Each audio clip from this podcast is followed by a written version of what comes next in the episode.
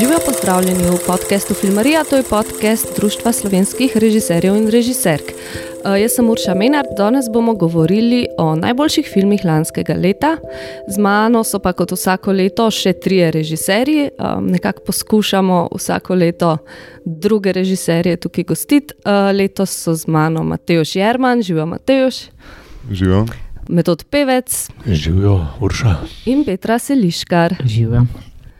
Uh, zdaj, ideja je, da bo vsak od nas uh, predstavil, recimo, temu pet filmov, ki so mu bili v lanskem letu zelo všeč, ampak uh, film ali pa lansko leto, to je zelo uh, relativen pojem.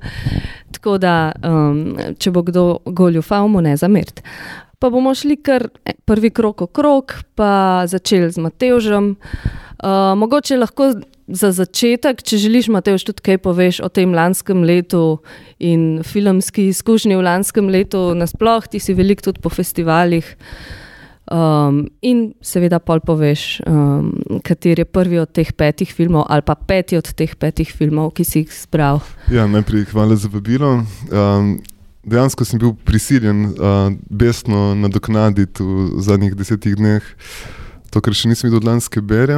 In pol sem se zelo to, da razmišljam o tem, koliko malo celovečercev pogledam v resnici, sploh ker pogledam 400-500 kratkih filmov, potem pa kar nekako mi zbežijo um, te highlighti leta. Um, moram reči, da, da mi je bilo kar težko sestaviti ta letošnji program, sploh um, ko smo se že prej pogovarjali, da te, mogoče med igranimi filmi sem težko najdu neke močne favorite, ki bi nekako mojemu okusu, um, bi, bi zadovoljili moj okus, ampak recimo, če, če že kar začnem z prvim naslovom. Uh, mislim, da je ta tudi najbolj očiten od uh, teh petih, ki jih imam na, na seznamu. In je eden od filmov, ki sem jih pogledal v zadnjih dneh, oziroma mogoče celo najbolj svež, ker sem ga namreč pogledal včeraj zvečer. Uh, gre za film After Sun. Uh, velik favorit letošnjega leta, režiserke Charlotte Wells. In uh, mislim, da mi je ta film kar malo povrnil uh, vero v. Uh, v družinsko dramo, v igrano družinsko dramo. In uh, mislim, je fenomenalna je igra obeh glavnih igralcev, se pravi očeta, ki ga igra Paul Meskal in uh, sploh hčirke uh, Franki Korlo in uh, ta njuna naravna, mislim, zelo sta pristna, zelo sta um, nekako iskrena v teh, teh, teh svojih deliverijih, da me je že to tako posrkalo skupaj s, to, z režijo, v bistvu, ki je na nek način minimalistično, obenem pa full intenzivna. In, in ta moment, ki pa me je čisto uh, pribil, je pa v bistvu ta element filma, ko se ona dva srečujeta vse skozi v tem medprostoru. Uh, izven časa, v bistvu, ko ste v teh stroboskopskih sekvencah, skoraj nekega rejva žura, in polk na koncu ugotoviš, da je to ta nek um, večni medprostor njunega odnosa, ker se zares vidita. Ne? In sploh uh, po tem zadnjem prizoru, ne vem, koliko spoilerjev lahko. Uh, lahko spoileraš, ampak ja, v bistvu se srečata šele na koncu. Tem, uh, mislim, da sta šele na koncu, zadnjič, ko vidimo ta medprostor, sta skupaj v kadru. Uh, končno. Tako je. Ja. In takrat vidimo, kako ona v bistvu, uh, mislim, to sem prebral in tako lep, lepo vzetek, da v bistvu um, ne vidi več njega kot očeta, ampak ga vidi kot človeka. V bistvu. In uh, je kar tak transcendentalni moment, ki mi je pač tako pribil, da sem pol na koncu kar, ob, kar obsedel, pa kar strmel prazno, še ob, še ob kredicih. Um, In uh, je fascinantno, ja, da je v bistvu to režijski prvenec, um, obenem pa mislim, da napoveduje lepo kariero tudi za, za to mlado igralko. Uh, Pol Meskal pa je že kar uveljavljen, ne? v zadnjih letih je imel par močnih vlog, uh, tako da občuteno, zadržano, pristno. Evo. A sta vidva gledala? Efterson, Petra, ja, jaz sem ga gledal in sem bil v resni dilemi, da ga dam na ta seznam. Tudi zato, ker je, po mojem mnenju, bistveno boljši od najbolj nagrajevanega evropskega filma v minulem letu. Predvsem zaradi tega, ker je, se mi zdi, da je avtorsko tako čist, koncizen, samozavesten, uh, samo svoj, um, ker zaupa v, kako bi rekel, tudi v to neko nežnost pripovedovanja, ne v neke agresivne narativne prijeme. Tako da v tem je res uh, briljanten in sem bil pač na meji. No. tako, bil je na short listi, kot se reče, vsekakor uh, film, ki, ki ostane uh, zelo dolgo z gledalcem. Pa tudi v resnici je izjemno spretno narejen, ne? ker pravzaprav cel film je čisto komentijsko gledano izjemno uh, spreten, ker pravzaprav je v tem nič skoraj, kar se dogaja na tem dopustu, kamor oče pele svoje hči, v tem nič je pravzaprav vse čas en gromozanski suspens. Kaj je med njima? Kaj bi lahko med njima bilo, v kupi nekih namigovanj, ki smo jih kot predsotke pripeljali seboj v ogled filma, in seveda na koncu končati nekje, kjer smo najmanj pričakovali, to je pa nemoč očeta, šibkost, zrušenost starša, ne otroka. Ne. Kar je neka situacija, ki je zelo aktualna, ker se mi zdi, da je zelo veliko mladih danes, ki se iz nekega tega razloga bojijo imeti otroke.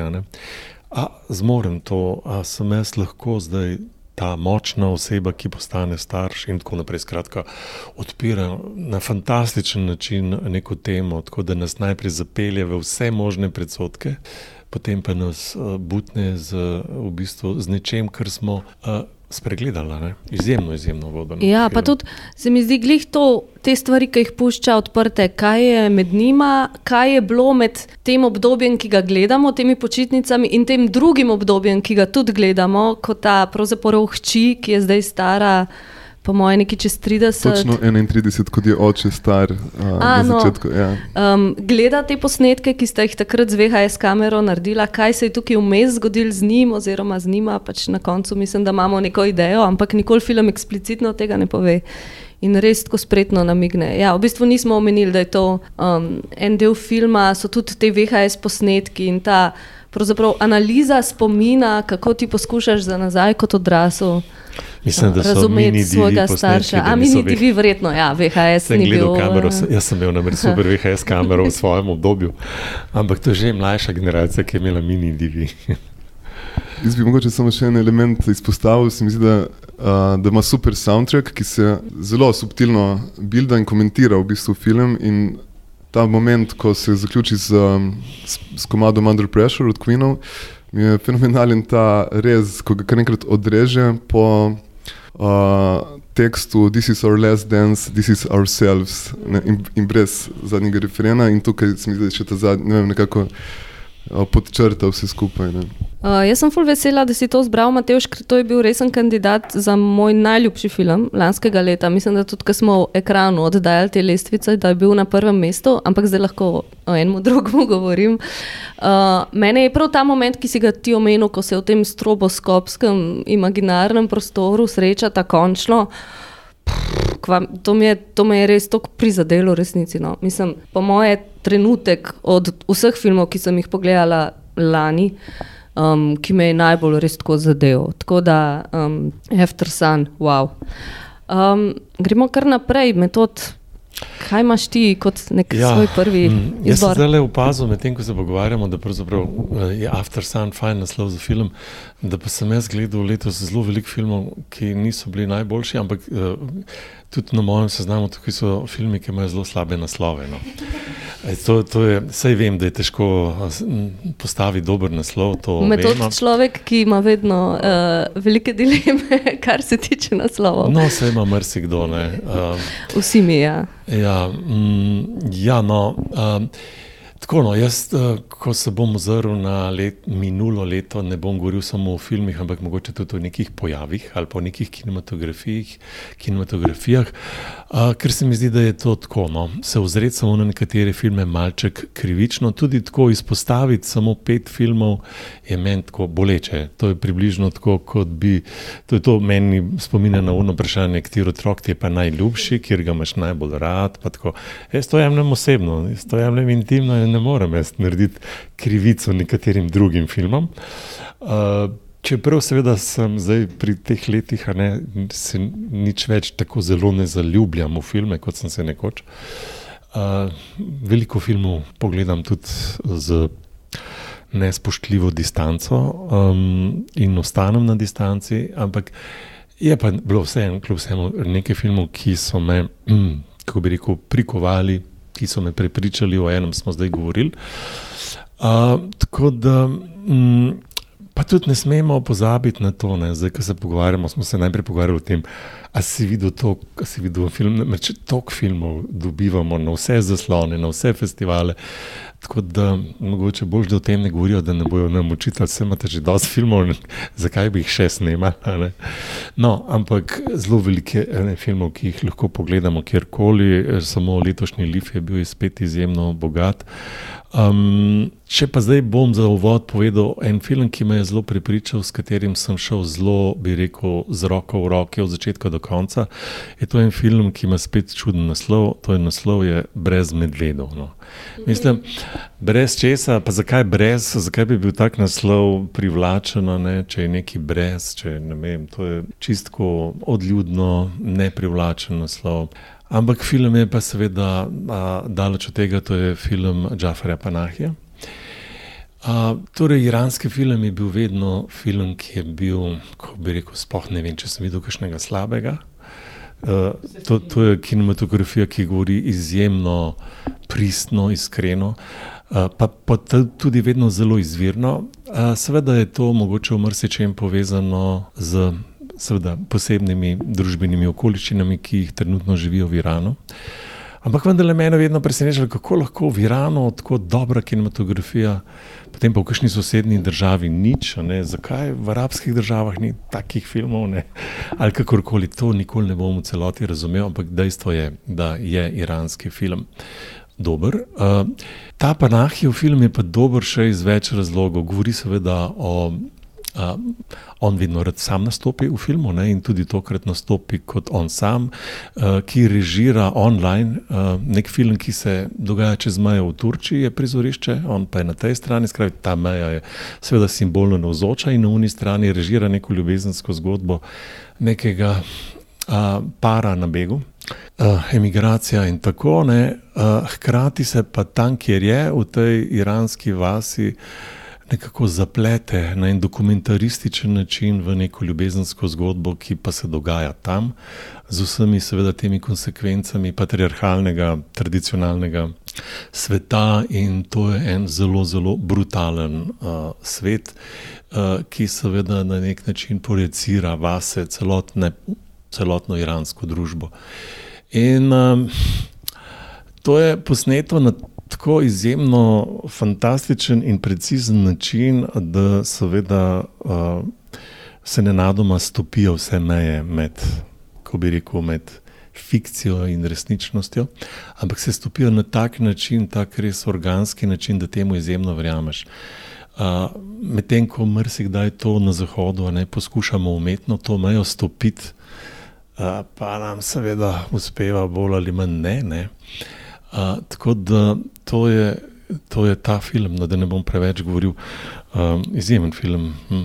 V resnici je izjemno premišljen, strukturiran, natančen in globok, deluje pa kot neka naključna plovba ne, enega avtorja, ki je mal zataval tam v eno vas. Ampak, ko ga pa premisliš, pa vidiš, da je to vse, cak, cak, cak, pika. Scenaristika je vedno nekako močna, uh, močna točka te iranske kinematografije. Se pravi, brez medvedov, mislim, da je slovenski naslov. Brez no medvedov, ja. uh, gremo naprej, Petra. Kaj je prvi film iz tvojega izbora? Ti si ja. prinesla cel katalog, ti imaš. Uh, to je res. Zgleda, to, da imaš več kot pet filmov. Ja, to je res takšna, uh, to cedilo postavlja. Kaj bo zdaj ustalo gor? Danes, ko sem se sam vozila, sem razmišljala, kaj mi je res tako ustalo. Da ni bil samo dober film, ki sem ga videla, ampak da mi je nekaj ustalo in da je to. Uh, In potem sem seveda napisala teh pet, in pa sem videla, da jih je osem, pa pol sem zdaj spet malo gledala in sem našla enega, ki mi je tudi tako zelo, zelo všeč. No? Tako da zmeda, skratka, teh pet je deset in tako naprej. Ampak um, zdaj sem se spomnila. Z, Lahko na koncu zakaj? naredimo en hitro, eno hitro rundo, ki jih vsak še deset našteje. Uh, en film je, ki me je blazno presenetil um, in sicer gre za uh, prvi film uh, španske režiserke, pa španci nimajo najboljših, jaz seveda sem bolj v dokumentarnih vodah doma, um, najboljših dokumentarcev, uh, ker vedno preveč govorijo in je to čist pre, preveč nabutan in potem je sam čitaš samo eh, subtitles. Eh, Toljatija Drift je eh, film, ki je posnet popolnoma v Rusiji in to ravno preden se.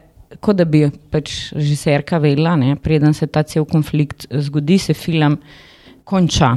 E, to ni nič novega, videli smo veliko teh filmov v teh e, polzapuščenih, da rečemo, e, e, nekih post-tovarniških e, mestih, ala jesenice. E, kjer so uh, delali vlado. No? Mislim, da se drugače imenuje voz, neki, ne vem kako se ta firma imenuje, ki so preimenovali. Skratka, eh, ona se nekako osredotoča na mulce, ki od silnega dolg, dolg časa ne vejo, kaj bi sami s sabo, eh, imajo te stare lade in driftajo. No. Po cele dneve, punem snegu, driftajo pač vrtijo se z unimi starimi ladami v krogu in uh, tako svoj čas v bistvu porabijo. Hkrati se pa usredotoča na eno punco, ki pa mogoče hoče nekaj več v tem, razen to, da je uh, Pauls, no, vsem tem fantom najboljša frendica, ki vedno je ena, ki se z vsemi fanti druži. Um, ki nekako dela v nekem pač baru in nekako hoče malo več v življenju. No. Um, in ta beg v mesta, ki je ponavadi z zadnjimi unimi drobiži, ki so jih našparali. Um, hkrati pa veš, da, noben, da, da ti fanti nimajo nobene izbire kot to, sam, da grejo pač v vojsko. In to so ti vojaki, ki se zdaj borijo v, v tej eh, grozoviti vojni, kar še traja in traja. In zdaj pač na koncu filma te res grozi, ker si se jim približal, ker si videl da tudi njim ni do tega, da, da, da jim je to zadnja stvar. Ne? Ampak veš, da je usoda teh uh, fantov iz teh malih mest samo, pač, da ni popolnoma nobene druge opcije. Tako da ja, ta film je pretresel. No? Sicer glavni karakter potem zbeži te vojski nekako, no? ampak uh, ja, ker v bistvu me ne bi šokiralo, da bi gledala vojno. Uh, od znotraj. To smo videli večkrat. Je nekako um, prid v mindset teh pač otrok, no, ki se igrajo igrice in pač driftajo, uh, ki so zdaj pač na fronti. No. Tako da, kar tako. Zanimiv film. Toljati, a drift. Uh mhm. -huh. Še enkrat povemo, slišiš se ful dobro. Ja, to je. bom prav poiskala. Uh, zdaj pa, ja, um, si mi dal možnost, Mateoš, da enega urinem uh, iz tega pomožnega seznama. In sem tudi jaz glih včeraj gledala en film, um, ki me je presenetil, kako mi je bil fajn, ker sem mislila tako na prvem, čist na začetku, joj, to mi ne bo. Uh, gre pa za ameriški film, naslov je Funny Pages. Um, to je prvenec, sicer igravca in sina enega drugega igravca, to so ti otroci nepotizma, ne? ki pa vsake tok časa kakšnemu odpustimo, da ima bogate starše. Uh, to je Owen, Owen Klein, um, njegov fotor je pa Kevin. In Owen Klein. Uh, mogoče ste ga videli v filmu The Squid and the Whale, ta prvi film Noaha Baumbacha. On igra tega mlajšega brata, ker sta dva brata, ne? starejši je Jesse Eisenberg in mlajši je Owen Klein, ki neki tam, ne vem, ima neke probleme, neki v šolskih omarcah, masturbira ali kaj se že dogaja v tem filmu, tako zelo, zelo uh, nekonvencionalna vloga za enega otroškega igralca. No, v glavnem, on je zdaj režiser in Funny Pages, njegov prvenc, je zelo tako. Uh, nisem bila presenečena, ko sem videla, da sta producenta brata Sevdi, ker je mal malo te njune estetike noter, se pravi ta.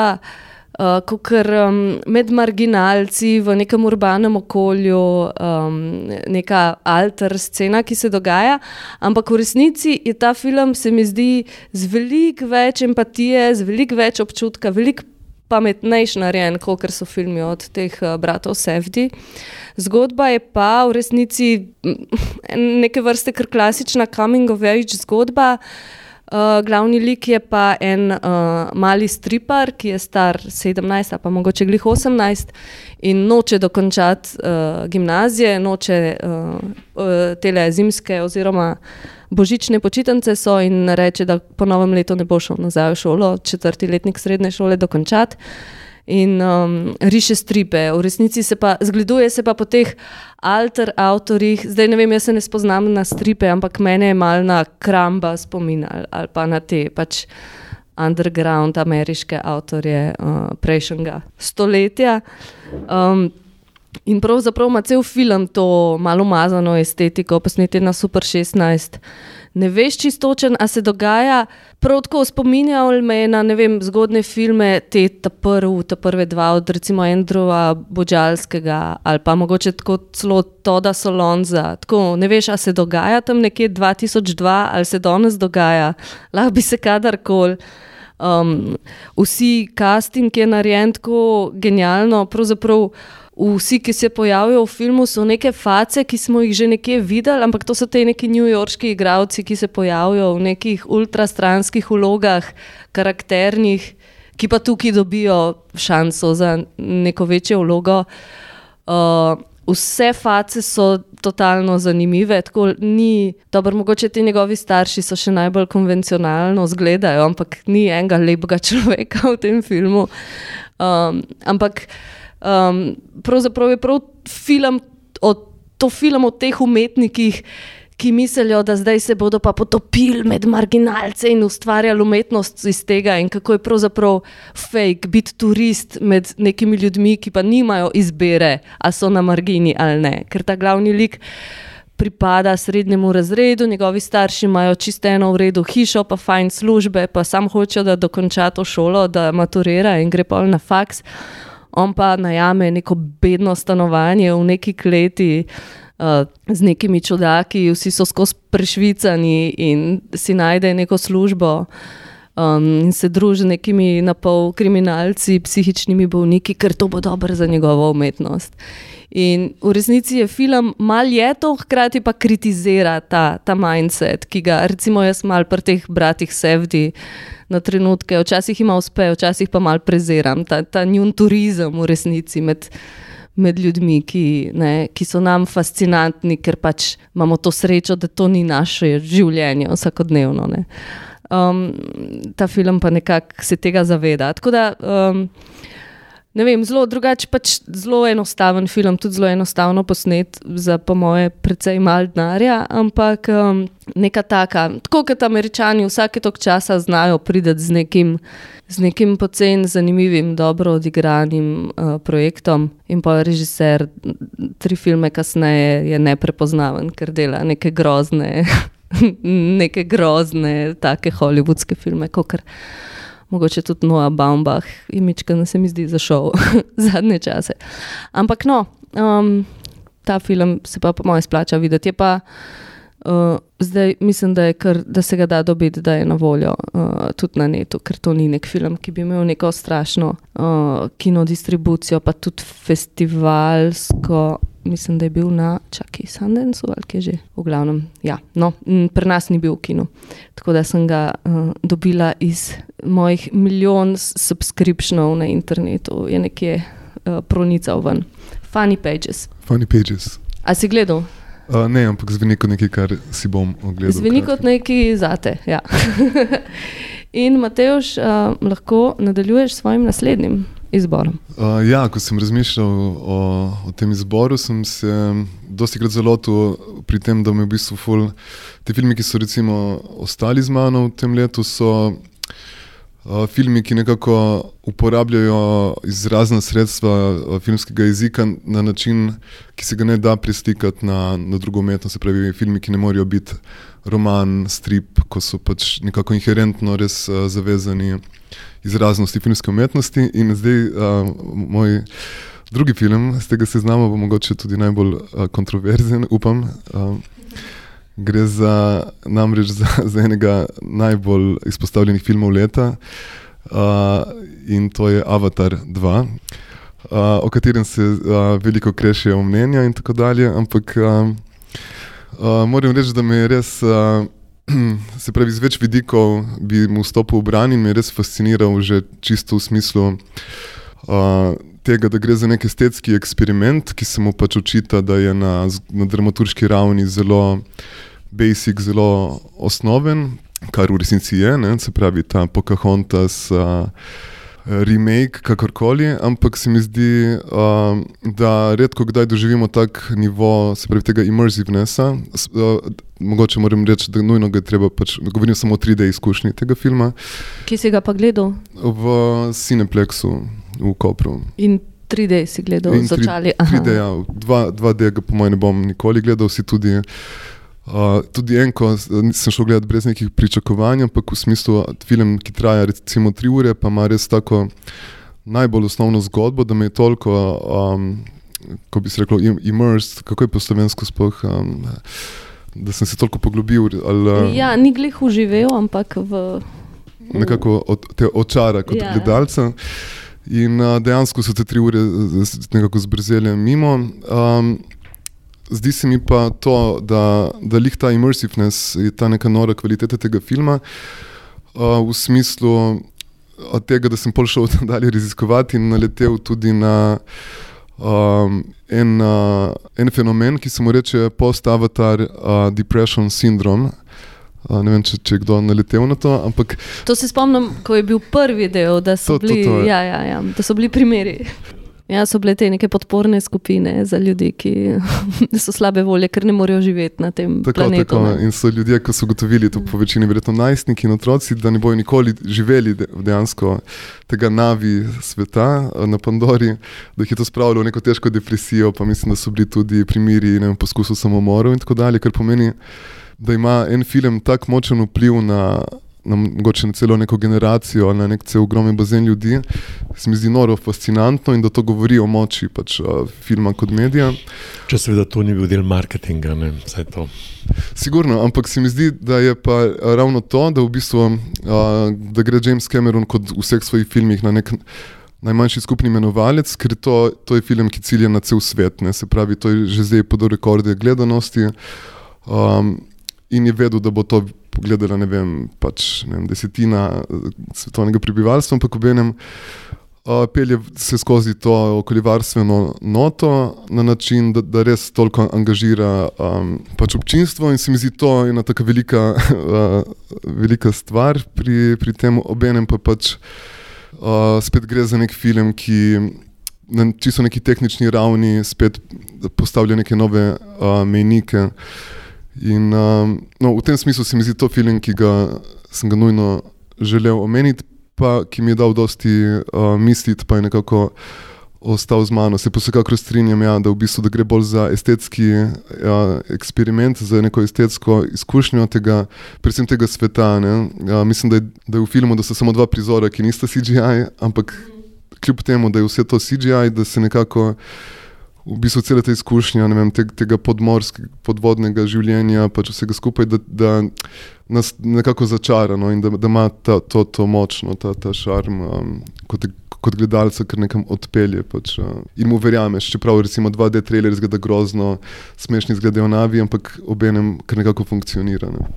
Meni se zdi, sploh v zadnjih vem, 20 letih, je tok pravzaprav zelo slabih, zelo dragih filmov. Pa toliko teh avtorjev, ki delajo te ogromne blokbusterje, ki so v bistvu grdi, ki so slabo zreženi, ki niti za ta mainstream niso dobro zreženi. Se mi zdi, da je tako prav. Osvežitev, ko pride recimo Spielberg ali pa Cameron, ki sta vse mojstra obrti, ki znata pač te drage filme z najmanjšim skupnim imenovalcem, oziroma za mase, narediti vsaj ne, z, ne vem, z znanjem, pa z občutkom. Ne vem, če primerjaš s temi glih. Um, zadnjič um, smo imeli eno, recimo s temi brati Ruso, ki dela tako grozne, grde, strašno drage filme. In uh, veliko raje imam pol Camerona. ali pa recimo blockbusteri ali Marvel Universe, ko v bistvu. No, vse to, ja. Sem čisto nekaj gledal, v bistvu te superhero filme, ker se mi zdi, da da ful malo uh, dajo, sicer ok, so, so spektakli, ampak tudi v smislu vse skozi se promovira ta posameznik, uh, uh, se pravi ta koncept nekega Batmana, recimo, na mesto kolektiva, na, nek, na mesto nekega kolektivnega delovanja in tako dalje. V tem smislu se mi zdi, ja, da je. Pa vsi izgledajo enak, pa slabo so v resnici zrežirane, velikrat te akcijske scene. Niti ne veš, kdo, koga, v katero smer, tako meni to blazno nervira. In se mi zdi, da če že, mislim, seveda bomo vedno imeli ta del kinematografije, ki bo um, draga in masovna, ampak um, super mi je, da obstajajo še vedno te neki mojstri, ali pa recimo še en je, um, mogoče bomo drugo leto pol govorili o Mission Impossible. to, ta franšiza, ki tudi ne. Um, pač je na nivoju. No. Ej, kako pa zgleda v kinu? Veliko je bilo govora o tem, um, ker se spremenja to število sličic na sekundo, ne, ta frame rate. Uh, ki je načeloma 24 sličic, ampak tukaj je, da je to, glede na vem, akcijske scene, so nekje na 120 ali 60 ali to, 48. A ja, 48, ja, samo. Ja. Ja. Sicer to je, mislim, da smo videli že pri Hobbitu. Ja. Um, ampak tam je, bil... je cel film tako narejen. Tukaj se pa kar spremenja znotraj filma, pa si ne predstavljam. Je to sploh nekaj, kar ti kot gledalec, ti recimo, ki nisi fulnik tehnični obsesivc. Ne, meni je to um, presenetilo. Jaz sem to pol še le, ko sem bral, da, da znotraj istega prizora zamenja frame rate iz 24 na 48. Recimo, tega sploh nisem opazil. Ne mogoče tudi to, da potem, ko gledaš z očali, pa je vse itak že malo tako nenavadno. Um, ampak nekako funkcionira, ker recimo ja, pri Hobbitu, ko je bil C48, ima kar ta preveč uh, realističen look, malo je tak kot nek, nek špo, športni prenos. Uh, in se ne uživiš za res. Tukaj pa nekako, ker um, je šlo tako, da očitno neko korak tu je narejen. Se pri tem gre najbolj zelo za tehnične razloge, ker so se številni ameriški režiserji že v preteklosti naduševali nad idejo, da bi seveda večji frame rate uh, bil revolucija v kinu, sem pri klasičnih projektorjih je bila to težka zahteva, zdaj je to mal manjši problem. To seveda prinese bistveno boljšo resolucijo, več slik na sekundo. Eh, boljša zaznava slike, tudi zato je šla televizija na 50, ne pol slik. In tako, tako da, ja, je to, ampak ni pa končni namen, da bi to kakorkoli vplivalo. Ni to isto kot slow motion, pa da bi vplival na hitrost uh, in zaznavo slike. Ne.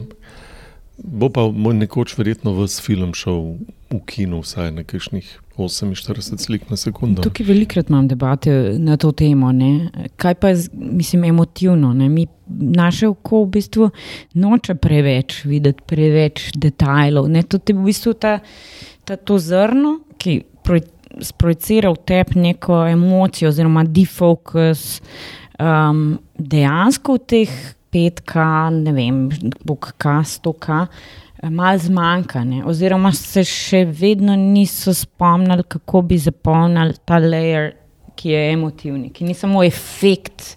Vizualni, ne? ki je seveda lep, ampak v bistvu ne čutiš. No? To, to je klet, tukaj smo to še nekaj. Ena stvar, sam 24 na sliko, ja, 24 slik na sekundo je bilo izmišljeno že zdavne in se je mm -hmm. izkazalo, da je to bilo pač takrat po naključju oziroma in da je to premalo. Mm -hmm. uh, tako zato se je to kasneje poskušalo popraviti, pa se, pa se ni popravilo. Človeško oko res zmore več. No, in zaradi teh 24 slik na sekundo imamo seveda v sliki številne probleme, kot so Blowshen Moore.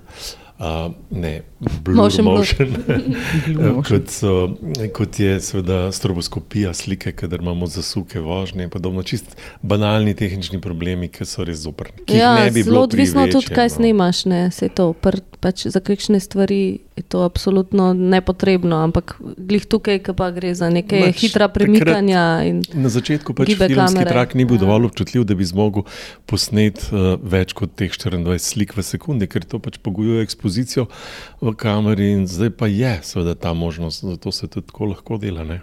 So pač bolj senzibilni čipi in lahko delajo več slik na sekundo. Je pa zanimivo to, kar si rekla, Petra, ta emotivna plat, kot se mi zdi. Recimo, mi, ki smo bili na faksu, pa so bili vsi študentski filmi, super 16, pa smo vsi snemali super 16, pa se nam je to zdelo normalno, čist tako najbolj banalna zadeva, še 15 let nazaj, pravzaprav ne. In kako je danes, ko vidiš en film, glih ta moj prejšnji, ki je bil, ne, pa vse so vsako leto jih je, na Super 16 posnet, kako to kar, kar naenkrat je to pa zdaj kar neka estetika, ampak to meni ful dobro zgleda. Ne. In je zanimivo, kako ena stvar, ki je včasih čist nekaj normalnega, kar počnemo vsi, postane nekaj zanimivega, ne? tako pol z distanco, recimo, ali je to pol neka plast nostalgije, ali kaj je to. Ne vem. Ne, ne, to je analogna napaka. Ne. To je meni ful znemiralo, takrat, ko smo snemali filme v tem mestnem obdobju, med, uh, v prehodu v digitalno in ker nisem mogel sprejeti digitalne slike, ker je bila preveč pravilna, preveč korektna, nesramno zoprna. In pa sem sprašval v laboratoriju. Senc ni bilo več. ne, mrsi česa ni bilo. In pa sem prav hotel videti. Jaz sem takoj, ko sem sliko videl, uh, ko sem videl, sem vedel, ali je posneta film, na film ali digitalno, ampak nisem pa vedel, zakaj. Kaj, kaj pravzaprav prepoznam kot razliko. In sem pa enkrat v Budimpešti v laboratoriju enega tehnologa spraševal, v, v čem je razlika, pa mi je razložil. Da, če rekel, da imaš ti filmski trak, žarek potuje po isti poti, in na filmskem traku so tri različne plasti, uh, za vsako barvo občutljive, ne, te osnovne barve, in žarek na vsaki barvi pusti sled. Ampak pri tem, ki gre skozi te različne plasti, ker so uh, v ena na drugi, pusti, naredi napako. Ne. Ni več točen. Ne? In to napako smo mi vzljubili, tega žarka, ki gre kemično, ki gre skozi to kemijo. In tega smo se navadili, in to je nekaj človeku podobnega, ker mi smo tudi polni napak in se zelo radi povežemo z napako, ne s perfekcijo. Prišla pa digitalna kamera, ki je perfektna in te, ni, tega nimamo radi. Zdaj pa zdaj naši direktori fotografij iščejo po muzejih neke sfucane, poškodovane objektive, da bi dobili neko analogno napako. Ja, ne, pa, okay, ta olje na platnu, pa veš, ta eh, japonski, japonska risba, ne, to bi bilo neka primerljiva zadeva. Veš, ti nikoli ne moreš doseči teh stvari, ki so v olju, ker je vse en. Veš, če zdaj gledamo ne, tehniko, Japonci so razvili digitalno zadevo do tle, kjer smo zdaj. Mislim, da jih ni sramo. Mislim, res je, film je film, to je kemija, ki ti enkrat ne močeš sliko v kemijo potegneš ven, ni več isto, ni več dobijen šarm. Ki... Nekje.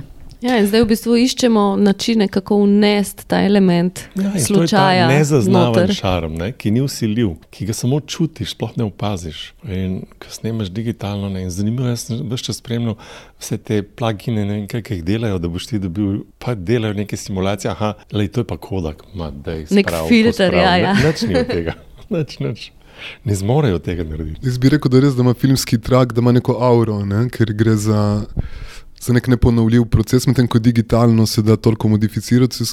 Plus, če govorimo o nekih grejnih, o nekih napakah, če se na manjše formate vračamo na 16, kot si rekla, ali pa 8 je pol kar enkrat med, med sliko in gledalcem še, še neka ta patina. In, in se zdi, pol, ko skozi to gledamo, da, da, da, da pol ta neka aura, da nekako nastane. Ne vem, to, ja, vse, ta umestni prostor, ja. ki je čist neopis, mislim, ki ga v bistvu ti ne moreš dati v besede.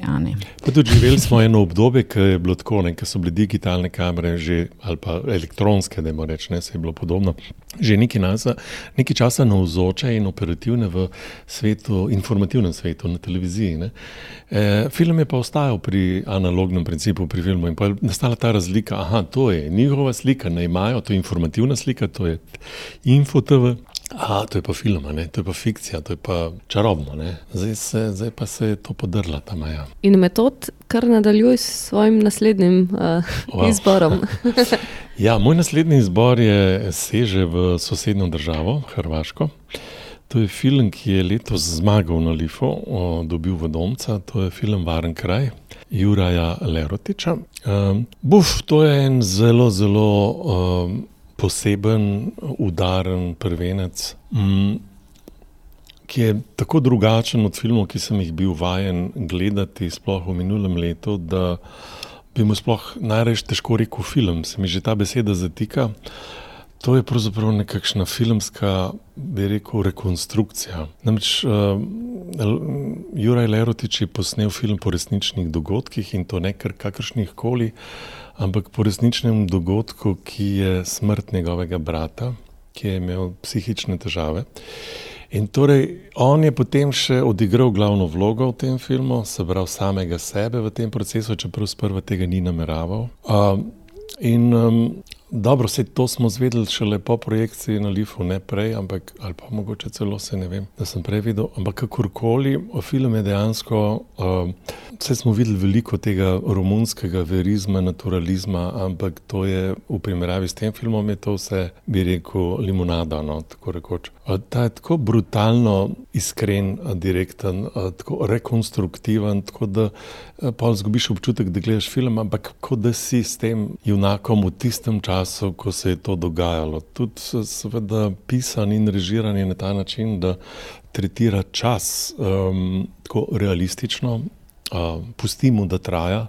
Pustimo, da so stvari, ki niso nujne, dramaturško ne, gledano nujne, ampak so zato, da vzpostavljajo kontinuiteta časa in mukotrpnosti časa. A, tako da ne govorim potem še o kameri našega kolega Marka Brdarja, ki si je dovolil to, kar si, hvala Bogu, ampak ki si je dovolil to, kar si redko kdaj dovolijo mogoče nekoč Robi Miller, uh, ki si je dovolil tako bedno, siromašno kamero, uh, da seveda odmisliš.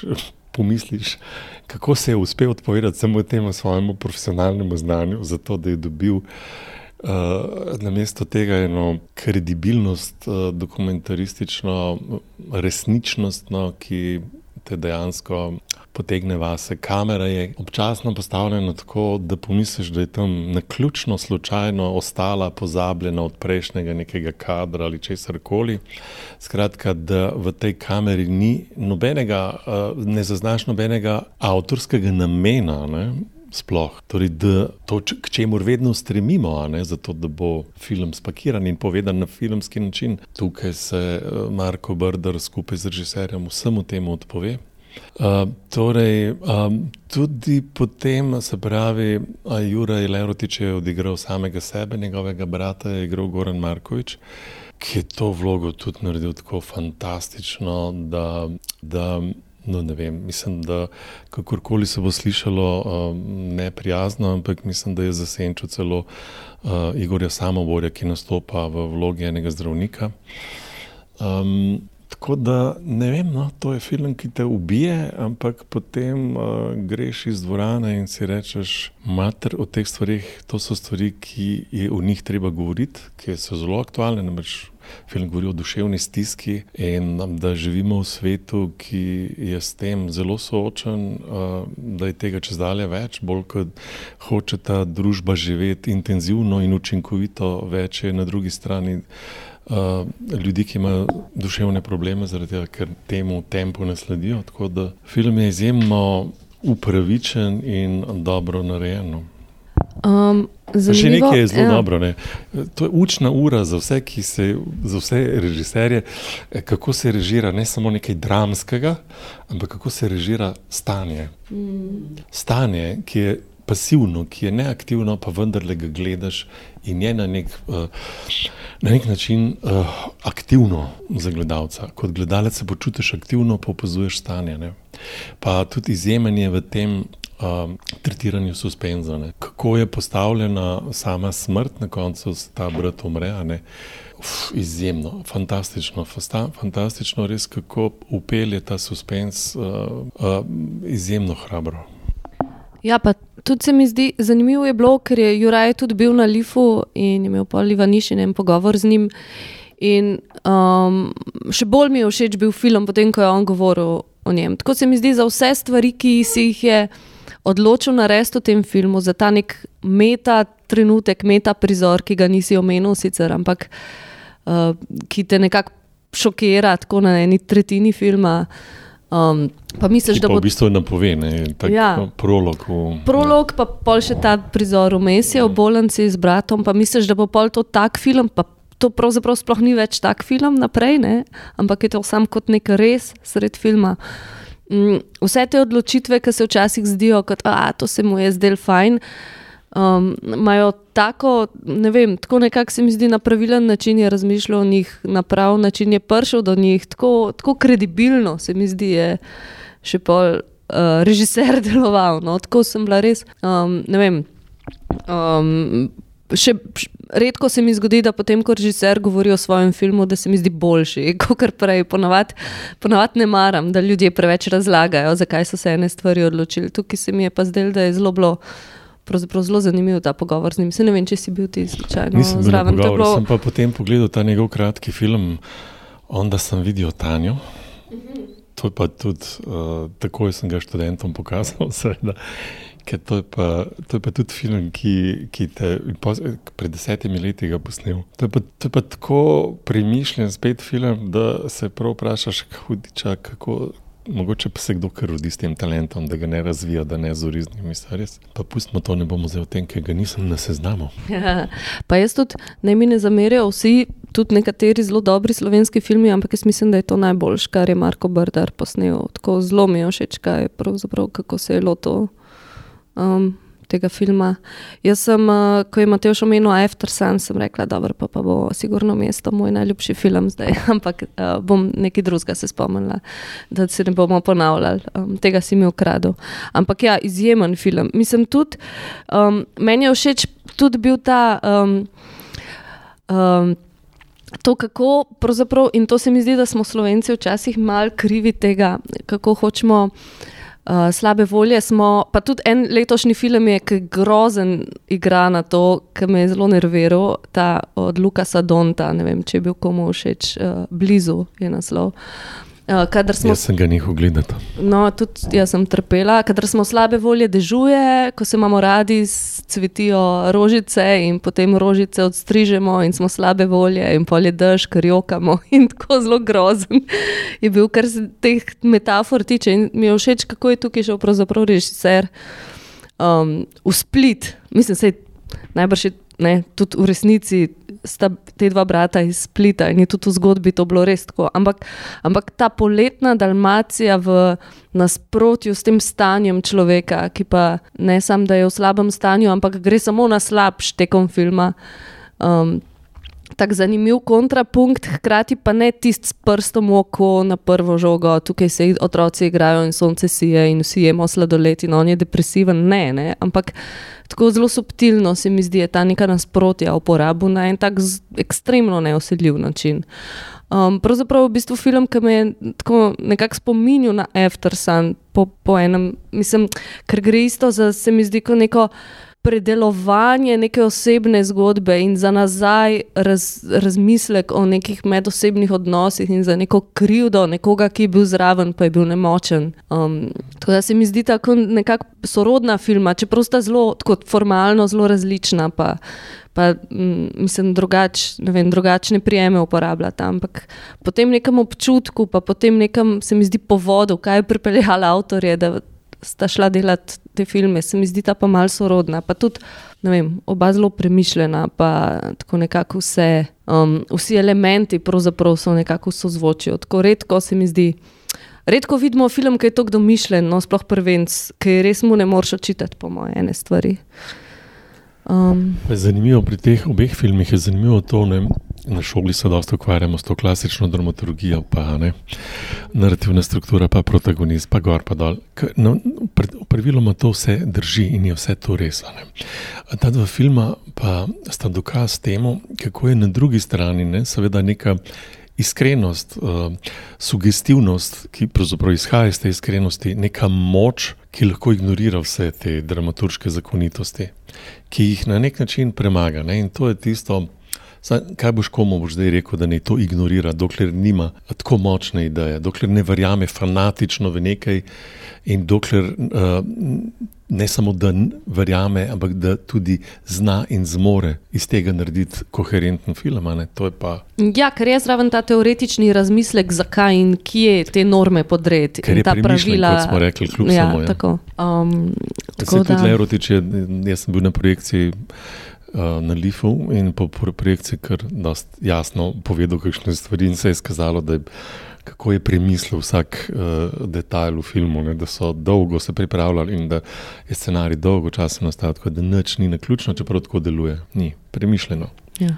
Varen kraj.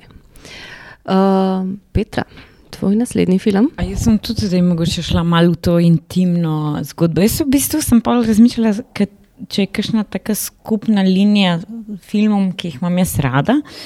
In sem ugotovila, da, filmi, da imam najrašji filme, ki niso o nečem. Ne. Tako da v bistvu sploh nimajo te zgodbe, kar bi se ti zdelo, kako pa to zdaj ni. Ampak v bistvu imam najraš tiste, ki me odpeljajo nekam, ki me primajo za roko in sploh ni ključna stvar v tem zgodbi, ampak je moj proces, kako me vodiš čez film. No? In tak film je ta Summer Nights oziroma Poletne noči, to je izraelski film Ohad Milstein. Um, praktično zelo minimalen osebni film, uh, kjer oče, se pravi, on snema svojega sina, preden gre tistih par tednov, preden gre to zadnje poletje, preden gre v šolo. Uh, in, uh, in ker ste, mislim, imate res tako lep intimni odnos med tem, ko ga on uh, spravlja spat se pogovarjate o zelo temeljnih stvarih v življenju, ne, ki praktično tudi fotra obrnejo čist na glavo in gre potem uh, k svojemu očetu. Povprašate nekaj stvari, ki se mu niso. V bistvu je film o tem, kaj je pomen biti oče. Ampak zelo iskreno in zelo. Uh, in kakšna je sploh funkcija ne, tega od, odnosa med očetom in sinom, ko je ta mali še vedno tako odprt in tako iskren, uh, da ga vpraša o smrti. Mislim, ko ga vpraša, preden zaspi, bo, kaj se bo zgodilo z njim, ko bo, bo on, ko bo mali Alva, star ne vem, 86. Se mali, čiz, mislim, se je fotor čez buni, kam pa zdaj rečeš, ne, mrtev bom, a mu, reč, a mu, zraču, a mu zračunam, koliko bom strkal, sto ne vem koliko. E, in ga v bistvu tako to preseneti, ker, ker mora pač govoriti govor zelo iskreno o življenju, o smrti, o, o enih takih temah, o katerih pa pač nikoli se res ne spregovorimo. No, in to z malim človekom, ki ve, da ni nobenega boljšega. No, to se mi zdi kot en. en Res lepši film. Pa sem šla prav tako gledati, kaj pa zdaj tukaj piše o tem filmu. tako, zakaj me je to tako pretreslo? Pa uh, sprašuje ga o Bogu, o, mislim, o takih pač ključnih stvarih.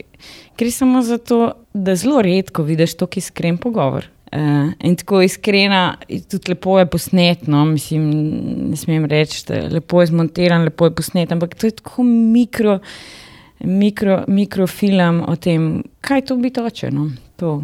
Uh, vidim, da je tudi zmagal na, uh, v Zagrebu, na Zagrebu, Doksu, zdaj na zadnje. Ja, je res dober film, res tako. Mislim, pa, pa spet, če rečeš, po čemu pa je, mislim, pa se ni, mislim, ni prav neke velike zgodbe, ne?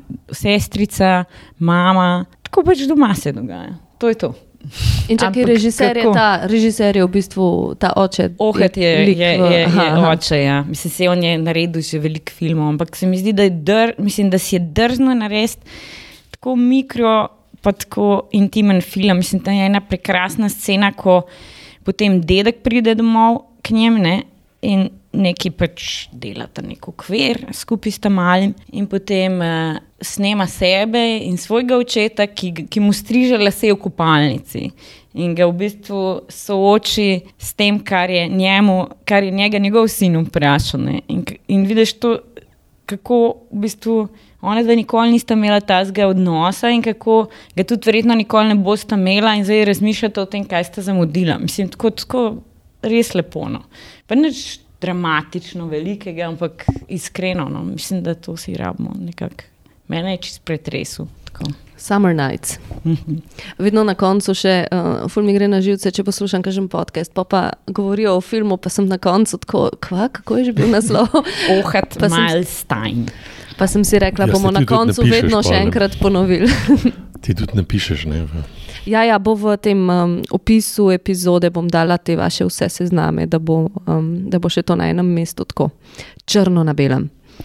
Uh, ja, moj naslednji film je pa v resnici uh, 2021-letnico, ampak smo rekli, da je lansko leto tako relativen pojem. Um, to je film, ki je bil v eni od teh kanskih stranskih kanskih stranskih sekcij, um, se pravi že ne lani, ampak predlani. Pa se ni kaj dosti govorilo o njem, ampak ga omenjam, ker te letošnji, razen Eftrasan, ki je tudi bil v neki stranski sekciji, ne vem, poseben pogled ali kjer. Uh, te letošnji kanski filmi mi neki niso, ne vem, kar sem gledala, mi res ni sedel. Um, ta lanski, ki pa mi je, uh, je pa francoski film, ki ne bom poskušala izgovoriti naslova v francoščini, ker je angliški precej bolj speven uh, in angliški naslov je Zero Fucks Given. Um, a poznate to? To je Aha, Mateoš, ti si gledal. to je pravzaprav film o um, nek tak. Um, Fi, recimo temu filmu o, o tej neki generaciji ljudi po faksu v tem globalnem kapitalizmu, če zdaj hočemo dati neko temo. V resnici je pa tako zelo intimna zgodba o neki punci iz Belgije, če se ne motim, se mogoče neki belgijsko-francoski film. Um, ki uh, jo igra ta Adel, ki tudi ne bom izgovorila prav primke, ampak iz Adelino življenje, recimo, um, se jo mogoče spomnite. Uh, ki živi pač iz Belgije, ampak živi na Kanarskih otokih in dela kot v nekem Ryanairu, kot ste vrdesa v neki taki namišljeni, sicer za film posebej izmišljeni, nizkocenovni letalski družbi. Uh, kjer, ta, uh, kjer ni nobene rutine, ta urnik je čist uh, nekonsistenten, vsak dan se nekje drugje zbudi, um, nima pač pravzaprav njeno življenje, nima zares nobenih trdnih okvirov. Ona plava, um, hkrati ima pa ta letalska družba tak absurden sistem nekih pravil, um, ne vem, uh, kako se morajo obnašati te stevardese, kaj moraš, um, pravila za potnike, kaj lahko prodajo potnikov, na kakšen način tržijo te svoje storitve. Um, vmes je neka scena, ki se mi zdi, ki mi je tako ostala, pa sem že več kot leto nazaj gledala ta film, pa jo ne morem pozabiti. Ko po nekem času, ko si v tej službi, ko si stevardesa, te prisilijo, da greš delati spit za eh, cabin manager, se pravi za ta ne, šefico stevardes na tem letalu. In potem je cela neka sekvenca, kako ona dela ta spit in kaj vse mora narediti, in je nek prizor. Uh, ko trenirajo to, kako ljudje stopajo iz letala, in to traja 21 minut, da se vsi skrcajo, ne, tako kot vsi vedno ta, ta proces, ko nam gre najbolj na živce. In ona stoji tam pri vrati in se mora smehljati tako uh, vse čas ne? in trenira to, kako tega nasmeha ne smeš nikoli spustiti, niti za sekundo.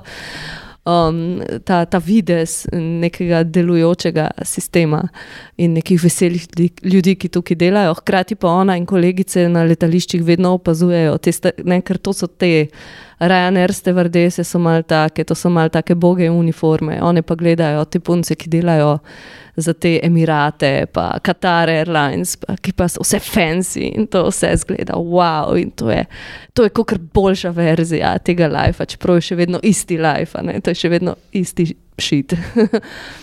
um, v bistvu pa pravzaprav kar pa počasi pronica skozi to. Neko zelo tako površno življenje, brez ene stalnice, brez enega sidra, brez pravzaprav nekih stalnih prijateljev, niti. Uh, je pa to, da je pravzaprav ta punca um, se ne želi soočati z izgubo mame, ker je mama umrla pač v neki, izvemo, kasneje prometni nesreči, nekaj časa nazaj in kako ona sam fila svoje življenje z nekimi stvarmi, s katerimi se poskuša zamotiti, da pravzaprav se zares ne sooči s tom. In potem um, en del filma je proti koncu, kjer pa se vrne domov uh, za nekaj časa, uh, zgubi to službo in se pa more s tem soočati. Ker sicer. Mogoče se mi celo ne zdi, da je to najboljši del tega filma, tam se mi zdi mogoče celo mičken film odplava, ampak se vseeno v glavnem uh, vrhunska igra v tem filmu, ne samo te um, glavne igralke, ki je pač res, mislim, meni je vedno ona super, ampak tukaj mi je boljša, kot mi je bila kadarkoli, kjerkoli prej. Ampak cel ta, cela ta zasedba drugih, pravzaprav neznanih igralcev, vsaj meni neznanih. Uh, tako um, zadnjič sem ga. Um, z nekom sem se pogovarjala, ko sem priporočila ta film in uh, z eno igralko, in je potem rekla: Jaz sem mislila najprej, da je to tako na hiter, ko sem uh, Pržgala sem mislila, da je dokumentarc, ker je res tako nekako, ne vem, tako so dobri igravci zrežirani in hkrati tudi kamera, da imaš včasih občutek, da to. Da se to, kar vsi stremimo, včasih temu, ko delamo igrane filme, da vse je lažno, ne? tam so igravci, pa tam je scenografija, pa rekvizite preneseš, pa loči so, pa nič ni, nič ni za res, vse je fake. Ampak, pol, če to uspe, kdaj včasih to uspe, in potem kar neko življenje nastane tam pred kamero, in kar pozabiš, da ne gledaš za res igravcev. Um, in to je res, v tem filmu se mi zdi, da je kar nekaj teh, um, teh momentov. Uh, je pa to, če se ne motim, tudi prvenc oziroma prvi film enega režijskega dvojca, um, ki pa se imenuje ta, oziroma ja, celovečerni prvenc, se mi zdi, da je, oziroma mogoče ja, neke srednje metražne filme sta, videla, uh, sta delala prej. Uh, Julie Lecustre in Emmanuel Mar, se pravi, Zero Fax Given. Uh, povej, Mateoš. Uh, jaz bi samo rekel, da je bil tudi na moji shortlisti Zero Fax Given. Uh, če lahko samo pokomentiram, um, ta element tega njenega življenja v teh neprostorih, ne, teh non-spaces, se pravi, v, v teh prostorih nekega prehoda, v bistvu to je to njeno življenje, se pravi, brez neke trdnosti, brez nekega svojega kraja, namena. Tudi, njena, tudi njen lik je v bistvu tak, da se mora vse skozi um, dajati sebe na stran, ne, v bistvu vedno je v, v, pač v tej poklicni funkciji in tudi združi se samo sodelavci. In se mi zdi, da je to tako lepa metafora, mogoče cele neke generacije, v bistvu, ko, ko manjka neka ta trdnost, neka. Um, nek stik s sabo, mogoče. Ja, hkrati je pa to delo z ljudmi, ker ne, je tako poudarjeno ta odnos s temi strankami. Ne, in je vedno ta. Ta toplina, ki je ja, pa v ja. bistvu uh, najbolj fake. Ne. Uh, in to, kar si rekla, v bistvu, uh, ta režija me je spomnila, veliko včeraj, ko sem šel še enkrat skozi seznam. Mi je mogoče ta film precej, precej blizu bil After Sunu na nek, uh, nek režijski način. Mogoče. In to, kar si rekla, skršno, uh, kako um, lahko, kako enostavno izpade. Ne, v bistvu ta, ta režim, tudi se strinjam, da mogoče ta zadnji del uh, ni tako močen kot recimo te prvi dve tretjini. Ampak so pa ta prvi dve tretjini res, se mi zdi nekaj, nekaj kar najbolj od filmov, ki sem jih gledala, pa ne mogoče lani, ampak v zadnjih par letih. Govorijo o nekem trenutku, ki ga zdaj živimo, pa ga mogoče ne znamo dobro analizirati, ampak se mi zdi, da je to prav prvi dve tretjini filma sta prav tono. Um, Mateoš, tvoj naslednji film? Uh, moj naslednji film je Moon Age Daydream, uh, glasbeni dokumentarec, uh, osnovan oziroma portret uh, Davida Bowja. Ampak na nek zelo netipičen način, ni klasičen glasbeni dokumentarec, kot smo jih uh, vajeni, se pravi, ne gre za, za neke talking heads, ne gre za nek klasičen portret. Uh, Uh, ampak gre bolj v, vse nekako v tej moji izkušnji, bolj kot za film, za neko tako skoraj, uh, če malo pretiravam, transcendentalno izkušnjo. V bistvu, um, Davida Bowija, ki že, že sam po sebi je v bistvu tako neuprijemljiv, da je skoraj, uh, skoraj nek pojem. V bistvu. In ta film tako lepo um, v svoji formalni zasnovi sledi pač um, tej ideji, konceptu Bowija, v smislu, da gre za film izključno sestavljen iz arhivskih materialov, tako vizualnih kot uh, pač audio materialov, ob enem kombinira neke zgodovinske momente, ki definirajo 20. stoletje, po drugi strani pa vse skozi sledi recimo te karieri Bowija, skozi vse njegove epizode, vse skozi vse njegove like, od Ziggy Stardusta do uh, Aladdin Sejna in, uh, in naprej. Obenem pa nihče eksplicitno ne govori o nekih konkretnih stvarih, ampak nekako tako, na neki, skoraj po neki sajnski logiki upleta um, take male segmente iz različnih TV oddaj, portretov, dokumentarcev, intervjujev z Bowijem. Um, in, uh, in se mi zdi, da, da, da je mogoče to nekako na, najbolj. Um, učinkovit način, no, da se sooči z nekim takim likom in dejansko um, že sam naslov implicira, se pravi, tam neč daydream, kot da nas spet vrže v, vesolje, v, neke, v skoraj v neko sajnsko logiko in, uh, in obenem nam omogoča nek zelo intimen pogled v to kompleksno persono in cel ta fenomen, recimo vsaj druge policije na 20. stoletju, rok glasbe, pač pop idolov in tudi njegovih vrednot in načinov, kako se on um, skozi življenje potem um, spremenja, uh, govori tudi o tem, zakaj in, in kaj išče, če se nikoli ne najde. In pol mi je bilo super, ko sem um, včeraj malo bral in sem um, najdel tudi en citat režiserja, ki v bistvu pravi, da je za preko Bovja imel priložnost ustvariti neke vrste vodič, kako živeti zadovoljujoče življenje in izpolnjujoče življenje v 21. stoletju. In v bistvu to film, ki ga je on posvetil uh, svojim otrokom, ne? se pravi kot neke vrste vodič, kot neke vrste lekcija, kako recimo ostati zvest sebi, kako raziskovati stvari in na nek tak zelo neusiljiv. Ne, mogoče, um, se pravi, ne, ne, ne, ne vem, če je umeten ta pravi izraz, ampak skratka, brez nekih talking heads, brez nekih vodičev, dobimo to izkušnjo bolj kot analizo. Ne. Ja, dobro se sliši, jaz ga nisem gledala. Ampak um, gremo kar naprej, metod, naslednji. Ja, izbor. naslednji film bo pa z moje strani malo predrzen, tega, ker tega filma nisem videl do konca.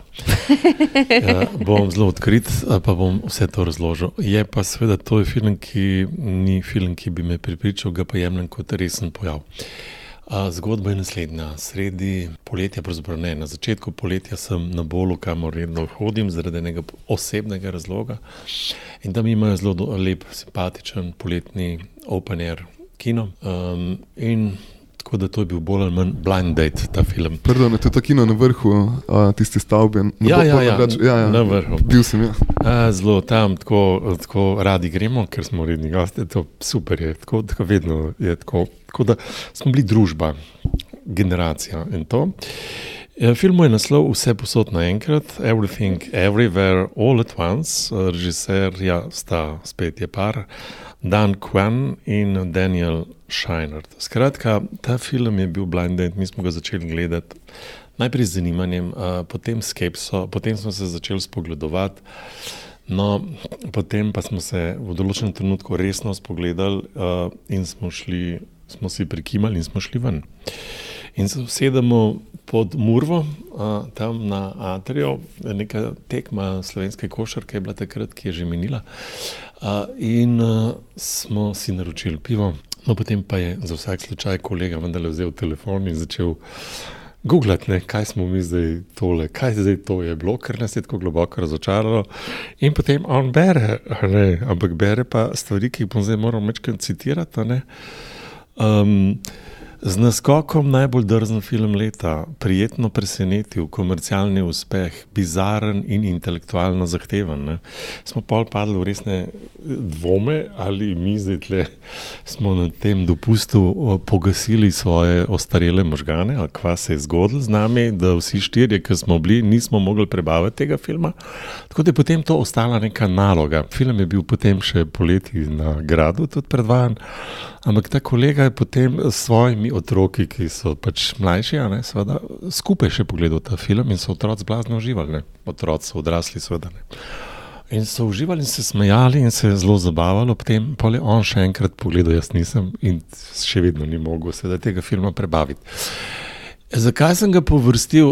Tega, ker je zelo očitno um, na nek način paradoksalen v tem, in zakaj sem razmišljal potem tudi jaz, in mogoče ga bom še kdaj, vsaj po odlomkih, pogledal, je definitivno, je, to je seveda film, ki menja žanre. To je, uh, skratka, to je začne kot ena socialna drama, uh, n- potem prestopi v fikcijo, alternativne resničnosti, pol je nekaj časa se postane kung fu film, potem uh, skratka prestopa brez slehernih, po mojem mnenju, zakonitosti iz žanra v žanr, uh, brez potrebe in skratka več teh resničnosti je bilo meni too much.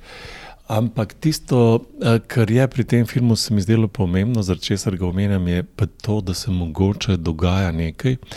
Namreč, eh, da tudi filmi se spremenjajo v, tej, v tem smislu, da zahtevajo drugačne, ko bi rekel, eh, percepcije in da se spremenja percepcija filmov. Ta film je narejen na način, eh, da pravzaprav zahteva eh, ali pa zahteva zgolj eh, to neko epizodistično percepcijo, kaskadno, od štosa do štosa, iz žanra v žanr.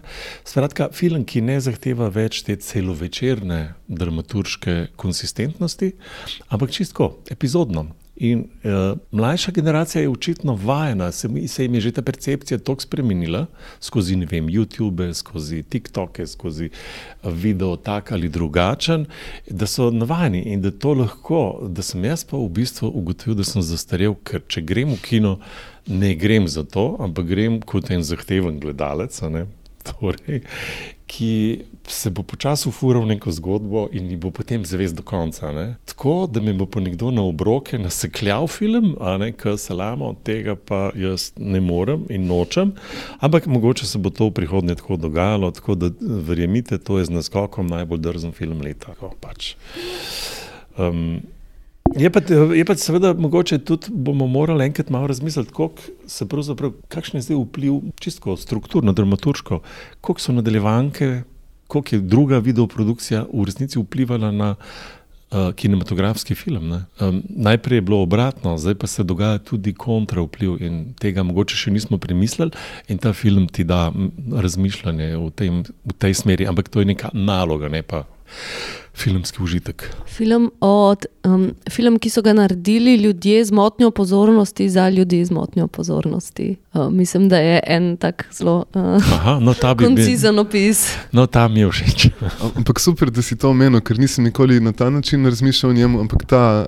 Da je tak film na robu neke hiperrealnosti, ne vse skozi skoki v neke usporedne vesolje, usporedne življenja, kar je po mojem spet blizu uh, tej uporabi ne, socialnih omrežij, hitremu menjavanju identitet. Obenem je pod tem pokrovom nekako zaključen tega na koncu film o, o družinskih odnosih, o odnosu med materjo in ščiro, med uh, možem in ženo in tako dalje. Ampak se mi zdi ta hiperrealnost, ki se jo lahko polbere ne, skozi bodrilar, da, da je nekako v tem filmu podobno kot v Matrixu, pa če da odpira tudi neka taka malo bolj teoretska vprašanja pa v enem pa se mi zdi tako režijski dosežek, no, tako kompleksen, tako hiter uh, in dejansko funkcionira in toliko enih tem odpira, toliko različnih vesolij. Uh, je bil tudi na moji shortlisti. Mene je pa prav razočaral ta film. Vem, tako se mi je zdel. Drugačen razlog. Ja, tako, tako se mi je zdel, jaz sem tukaj vmes, nekje se mi zdi med vama, ker mi je bilo zelo. Um, spoštujem v resnici ta pristop, kjer poskušaš um, to, kar se v, možga, v po mojem možganih teh dveh avtorjev dogaja. Ne, to, to nekako. Everything, everywhere, all at once, ne, ta pravzaprav motnja pozornosti, da poskušaš to v filmski jezik nekako preliti na nek privlačen način, da koliko enih stvari je v tem filmu, ne vem, spoštujem to drznost, ampak na koncu, če boš kdaj me to pogledal do konca, je pa v resnici to, kar je mene razočaralo, pride, pride potem, kasneje, predvsem. Ker se to izkaže za en ekstremno konvencionalen film. Za, za film, ki ima, ne, čeprav je vmes. Te, te formalne neke invencije, te usporedni svetovi, te ne, multiverse, rečejo temu, ne, se pravi, te paralelna vesolja, um, služijo neki zgodbi, ki je v bistvu uh, It's a Wonderful Life, mogoče ne glih, ampak ne, ki, ki jo gledamo že desetletja, že skoraj sto let, pravzaprav v kinu, to eno in isto zgodbo ne, o, o družinskih vrednotah, o teh klasičnih družinskih ame, uh, ameriških vrednotah, v bistvu zelo konzervativna m, za nek film, ki je formalno poskuša biti tako drzen, v bistvu zelo konzervativen film. In to me je pravzaprav razočaralo. No. Vedel po prvi tretjini ali ja. polovici, koliko sem videl, zato ker film evidentno je imel namen zabavati, uh, ni imel pa nobenega, ni imel pa kaj povedati. No. In to se veže po eni tretjini. Ja, pač tako je res te neke um, uh, uh, zanimiva preobleka za neko v resnici zelo, um, zelo tako konvencionalno, stokrat videno Sam bi lahko konzervativno zgodbo. Filme gledali v prihodnosti v večjem številu. Um, ja, no, le, sej, če, če bojo um, scenariji boljši, če, če bojo scenariji boljši, nimam nič proti. Uh, tako zanimivo se mi zdi, kako ene stvari. Um, ne vem, a si prišel do, tiste, uh, do tistega um, prizora s kamni, a si to doživel ali si šel prej ven. Veš, ko so neki kamni pogovarjajo med sabo, neke ne, skale. Kamni se niso Aha. pogovarjali, to sem se že jaz pol pogovarjal dol z vrčkom. si že, ok, si se že izklopil. Ne, to je se mi zdi nek tak tipičen prizor, kako pravzaprav um, nek prizor, ki je tako strašno konvencionalen, ker je dialog tako na prvo žogo, da tega je sram posnet, pravzaprav sram ti je dati igravcem te vrstice zapovedati, ta dialog za odigrati in to posnet, ampak imaš občutek, da to pač, ker je to ta zgodba, zahteva to, ta, to debato, nekje med materjo in ščerjo je ta dialog, ne, ker se zdaj odkrito o svojih čustvih pogovarjata. In potem da jim to zdaj obleči v neko nekonvencionalno obleko, da zakrijemo, zamaskiramo to svojo, to svojo zelo predvidljivost, to, to predvidljivo konvencionalnost. Tako prav zanimivo se mi je zdelo. In je prav tako, in tudi mene je dobil na momente ta film. Prav, recimo, glih te prizori s temi kamni, neke, skale, ki imajo nalepljene te učke gor, ne, te učki, ki jih imajo ti plišaste živalce pa, in se pogovarjajo med sabo. In so me tako, a tukaj ste me pa dobili, ampak dobili ste me na pocen foro z nekim pravzaprav slabim prizorom, ki pa ste ga tako učinkovito zamaskirali, ampak vsi se zavedamo, da je to slabo napisan dialog. Tako, no. V resnici mislim, dobro, da se pogovarjamo o tem filmu, ker se mi zdi res tak tipičen um, film za neko smer, kjero, eno od smeri, v katero pravzaprav gre ta.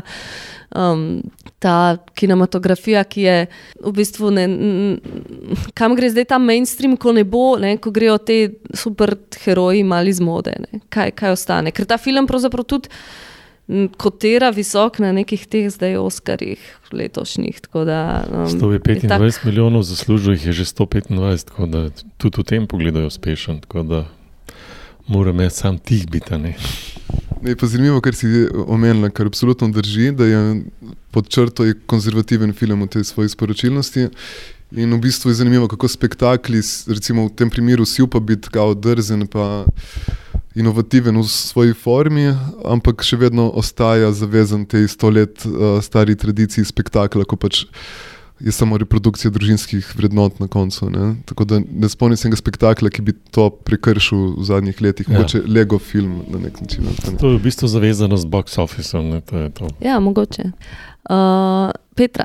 Moram se čez dobro odločiti, ampak bom, bom, bom. bom. Zdaj le sedaj. ja. e, v glavnem, e, e, Neli in Nadin, to je edini, ki je bil sploh v Sloveniji predvajan film od teh mojih, sem ugotovila, da vse, kar je meni všeč, tega ni tukaj pri nas, žal. Uh, v glavnem, um, to je dosti klasični dokumentarec Magnus, Magu, Magnusa Gertna, um, mojega tudi prijatelja iz Švedske, ki um, mislim, da je to že kar en tretji uh, njegov film, ki se ukvarja z. Um, kaj se je s to njegovo švedsko zgodilo? Uh, vzame arhivski material, ko iz vseh teh koncentracijskih eh, taborišč po letu 1944 prihajajo ljudje, večinoma ženski in otroci, ne, v Švedsko, ki je takrat ponujala boljše življenje in sem zrihtala nekakšen ticket out of misery. Uh, zdaj se pa od. Osredotočen na ta arhivski material, kako te ljudje prihajajo iz ladij, in najde dve gospe, dve ženski, ki sta se 44 leta uh, v Regensburgu zaljubili. Lezbičen par, ki se je zgodil v koncentracijskem taborišču in uh, raziskuje. V bistvu vnuke njihove, ki zdaj živijo v Franciji, eni, in kako so v bistvu počasi, počasi, uh, sploh drznejo uh, odkopati to zgo lezbično zgodbo, ki je v bistvu na nek način tabu za njihove starše, zdaj za vnuke, niti ne več tokno, vnuki so pa generacija mojih staršev, tako da je to neka taka uh, globija. Zakaj se mi zdi izjemen? Zato, ker je, um, jaz mislim, da je tukaj. Uh, montaža uh, Jaspera Osmonda fantastična. Mislim, da sam sebe uh, prek, prekašal uh, v emotivnem smislu, v dramaturškem smislu, kako odkriva to zgodbo teh dveh. Uh, gospa, ki sta seveda mogla zbežati, mislim, da sta na koncu tam živela nekje v Mislim, Venezueli, ja. v Venezueli, ker se je tako v Evropi ni dalo, ne operna pevka, um, nadinje uh, Azi, azijska, pač tako, kaj bi jaz rekla, neka taka feministka. Uh, v glavnem, zelo lepa ljubezenska zgodba preko arhivskega materijala, čez generacije, čez njihove uh, dnevnike. In oni dve sta sploh hoteli knjigo izdati o tej njeni ljubezni, ki takrat ti tako noben hotel uh, publišati na svetu. Tako da ja, ena taka, ja, v bistvu ljubezenska zgodba um, čez čas. No? Se mi zdi kar remarkable. Uh, achievement, tudi emotivno, ne samo, uh, ne samo zaradi tega, ker je pač to knje navadno, da, da se je v koncentracijskem taborišču lahko zgodila tudi uh, ljubezen, no, ki je trajala do konca njunih življenj. Neli in Nadin. Ja, Magnus Gerten je pa režiser. Dobro, Zdaj pa bom jaz omenila, mogoče ne en film, ampak tri filme, tako v enem kosu, preden mi, pa ne vem, če mi bo kdo tega sunil, ne vem, če ste ga sploh gledali. Uh, film je Eternal Daughter, ampak v resnici gre za tri filme in sicer je Eternal Daughter tak sploh ne zaključni del trilogije, ampak, ampak na nek način ja, zaključni del trilogije Souvenir. Uh, se pravi, to je avtorica Joanna Hogg, angližinja ki je začela leta, mislim, da je bilo kok, eh, prvi suvenir je bil leta 2018, verjetno, ali kdaj že točno, um, a ne 2019. In neka autobiografska zgodba o svojem odraščanju, uh, ki se mi zdi nek, en od najboljših filmov, ki se dogaja v 80-ih, kar sem jih videla. Ta prvi suvenir, spominek, je bil pri nas preveden. Um, kako pravzaprav um, v trenutku, ko se je film začel, sem imela prizore iz nekih knjig za odraščajoča dekleta, ki sem jih brala, ko sem bila jaz otrok. Tako prav te neki, prav tako se mi zdi ta 80, kako so dobro ujeta in ta. Njena zgodba, kako se je zaljubila takrat v enega, v enega fanta, malo starejšega, v enega moškega, no, ki, um, ker je bila mlada in naivna, ni dojela, da je um, zasvojen, uh, pravzaprav uh, s heroinom. Uh, Uh, in drugi suvenir, ki se mi zdi tako, forajo v tem, da se te filmi nalagajo en na drugega in vsak je boljši. Pa ne vem, če so boljši sam zase, ampak potem, ko gledaš drugega, se ti zdi še boljši kot prvi, in ko gledaš tretjega, se ti zdi vse skupaj še toliko boljš. Ta drugi suvenir je pravzaprav o tem, kako je ona. O teh izkušnjah iz prvega suvenirja posnela film, pa ne prvi suvenir, ampak ta nek študentski film, takrat, ker ona študira režijo v ta čas. Um, in um, kar moramo omeniti, je, da tukaj v tem filmu igra od režiserke, od te Joanne Hogg, prijateljica iz otroštva, oziroma celoživljenjska prijateljica Tilda Swinton, mamo od te glavne junakinje, se pravi, kot njeno mamo, njo, avtorico, recimo neko verzijo, nje pa igra od Tilde Swinton hči, um, Honor Swinton Burn. In v, teh, v obeh teh prvih dveh suvenirjih je ta par, mati hči, pravzaprav ta njihov odnos, neka tretja najpomembnejša zgodba, neka stranska zadeva, ki se pa skozi cel, mislim, skozi oba filma počasi gradi.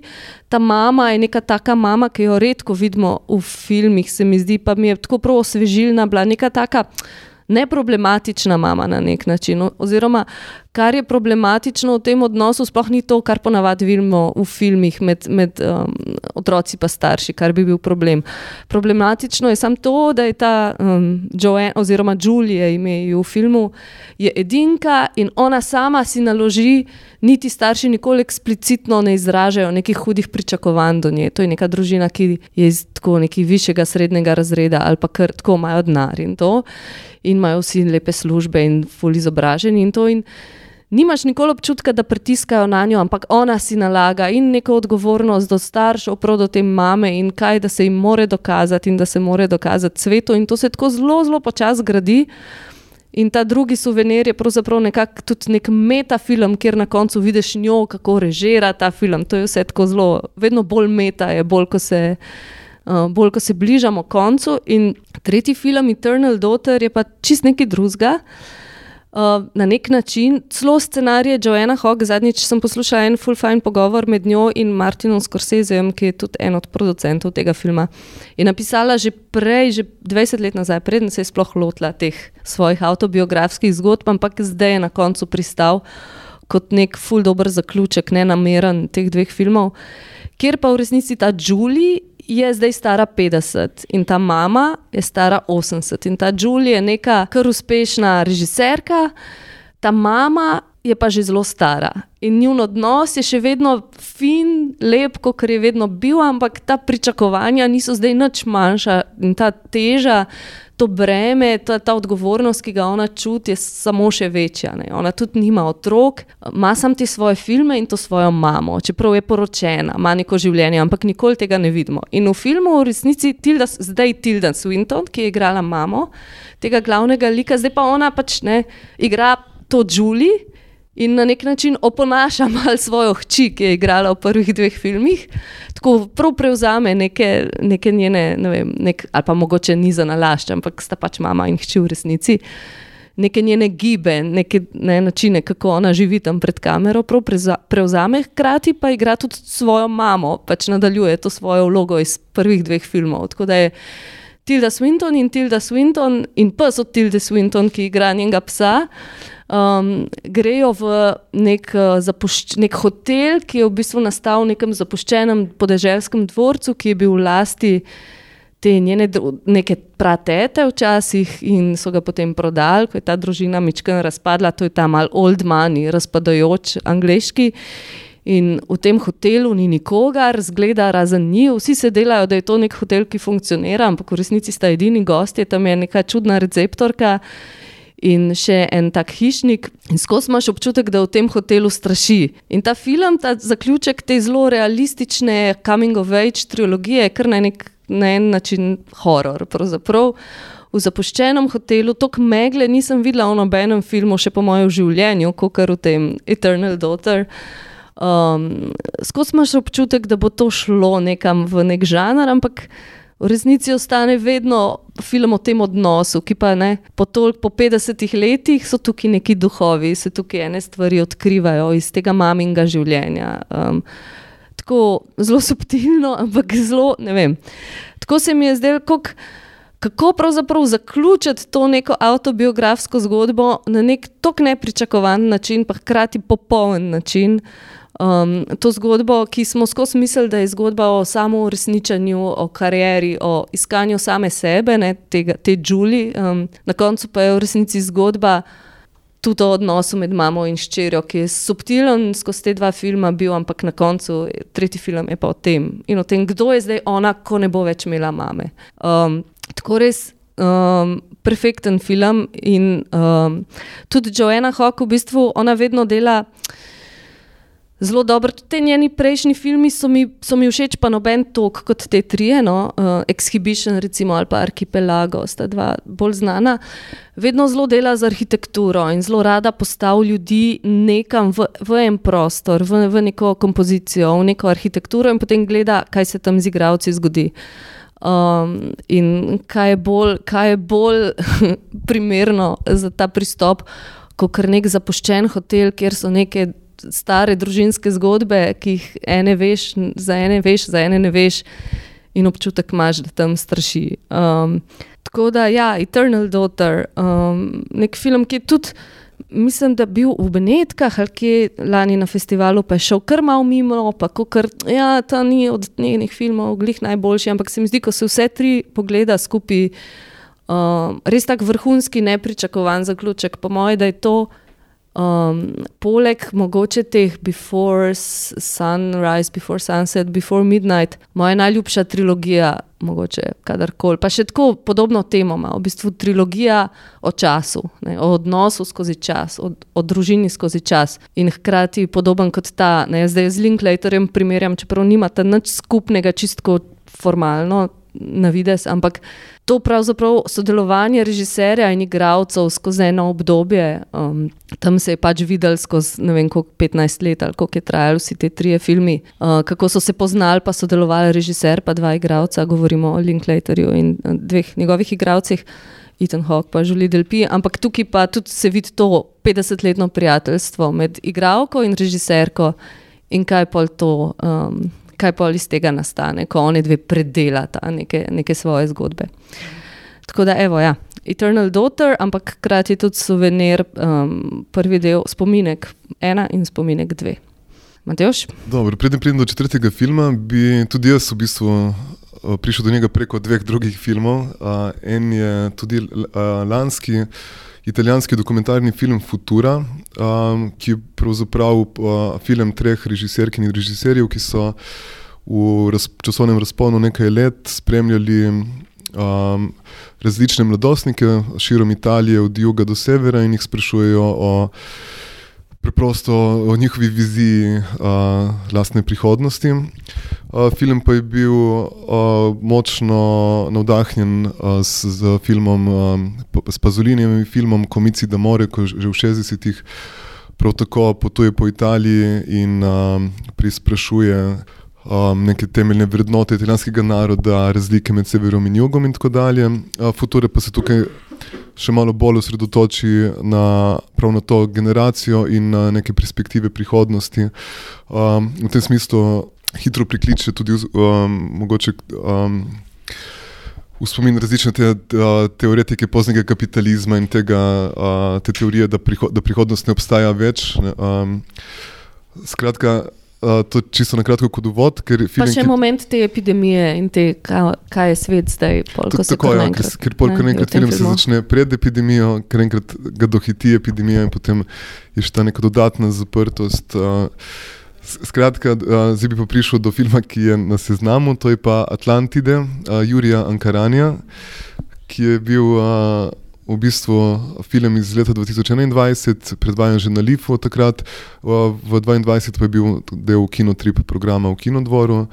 Uh, in gre za enega režiserja, ki mi je uh, osebno zelo ljub, že do, spremljam ga že dolgo časa, že na Feku smo imeli retrospektivo njegovih kratkih filmov, potem je pa naredil dokumentarec The Challenge, ko je spremljal uh, prince iz Emiratov, kako s svojimi sokoli. Uh, in pol, uh, v bistvu Atlantide pa je nekako kombinacija, spet nek hibridni film med uh, igranjem in dokumentarnim, ki ga je pa štiri leta snemal v Beneški laguni. Uh, zgodba je spet zelo preprosta, gre pravzaprav za, za spremljanje ene skupine mladih. Uh, Ki v bistvu v tem backgroundu, te, te turistične kulise, ki so Benetke, dejansko živijo uh, neko rea, realno življenje z nekimi realnimi pač problemi, in ki se pač širijo od tega, da, da, da rabijo službo, rabijo denar, da se zaljubijo, da imajo pač.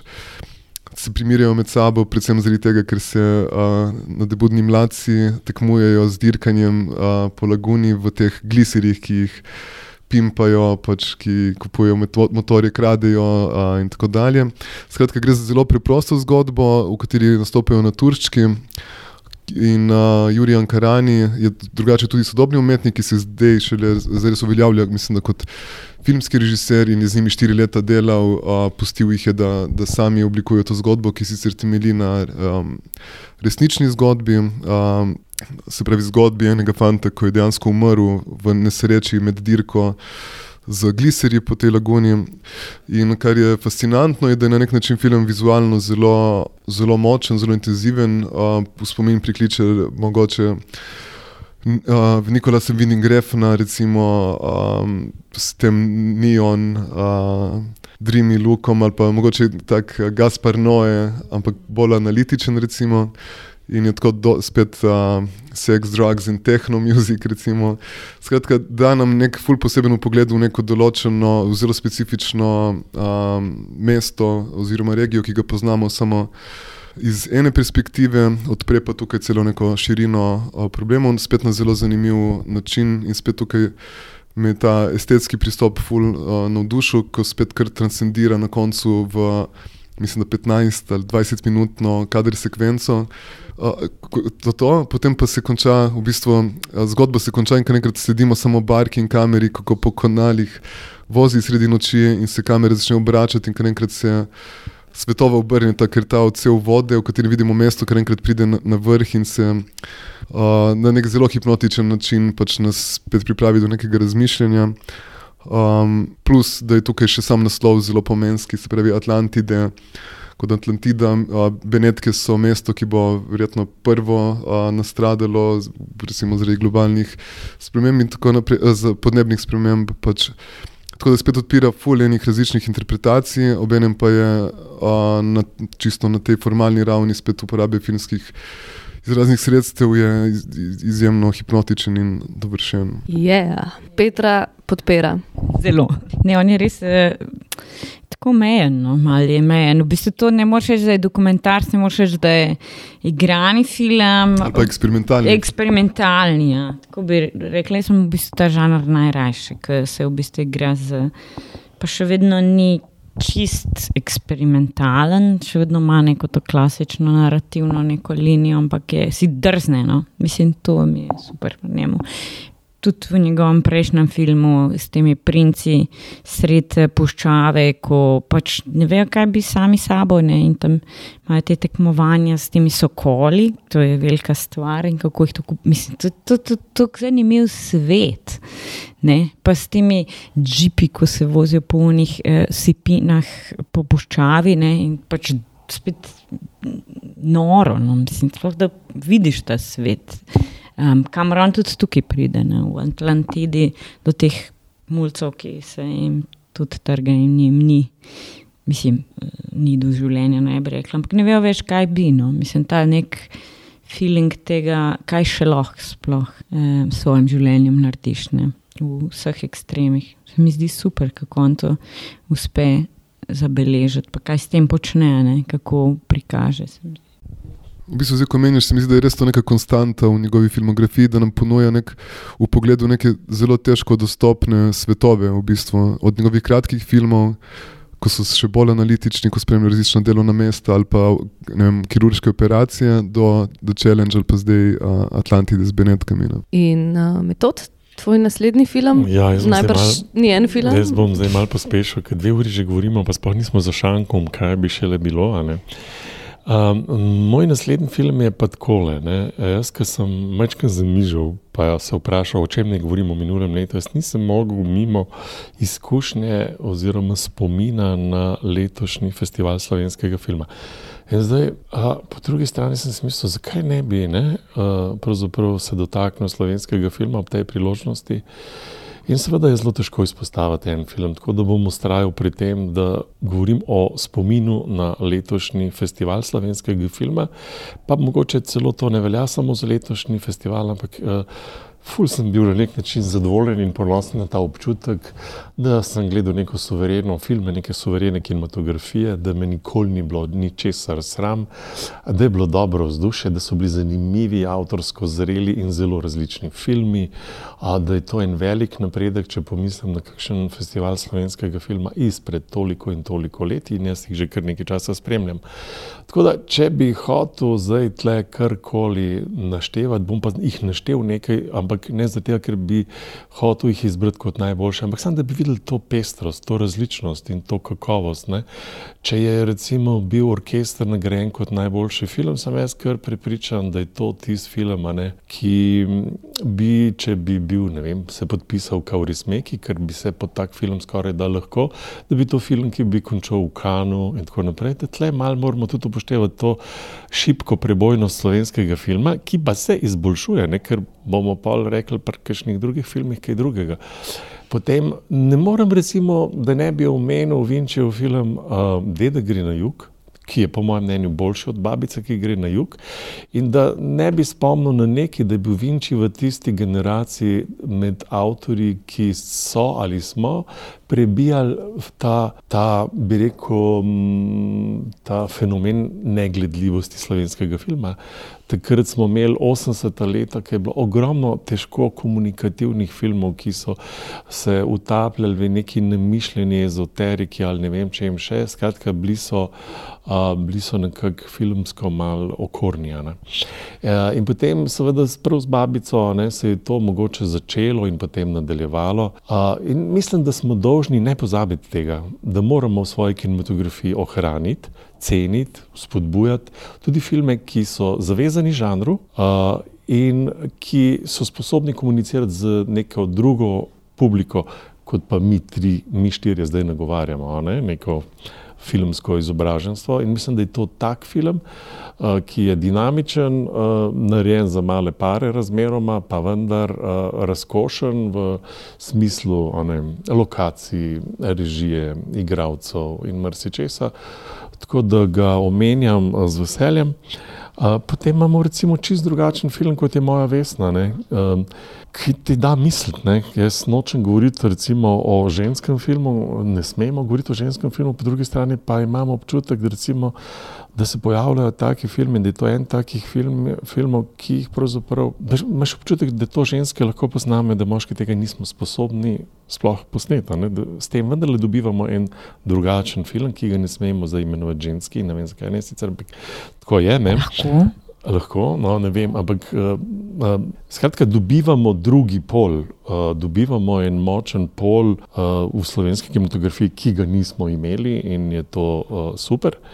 Um, Pa, pa ne smemo pozabiti, da konec koncev se približujemo tudi Olimpu, ne? da smo imeli tudi na festivalu slovenskega filma animirane kratke filme, ki pa so zdaj dobili vem, Evropsko nagrado za najboljši kratki film, ki so v vožem izboru za Oscarja in podobno. Hej, kam, mislim, ne? To ne smemo glih pozabiti, spregledati ali karkoli. To je, čeprav so to kratki filmi, čeprav so to, ampak to je za to našo kinematografijo, mislim, wow, kaj pa dol in še kaj. Uh, pa pa ne morem, da ne bi omenil enega filma, ki me je najbolj nasmejal na Lifu. Dejansko ne samo mene, cela dvorana se je smejala. To je pa kratek film z pomenljivim naslovom uh, Zdaj ljubiš slovenski film, Martina Srebotnjaka.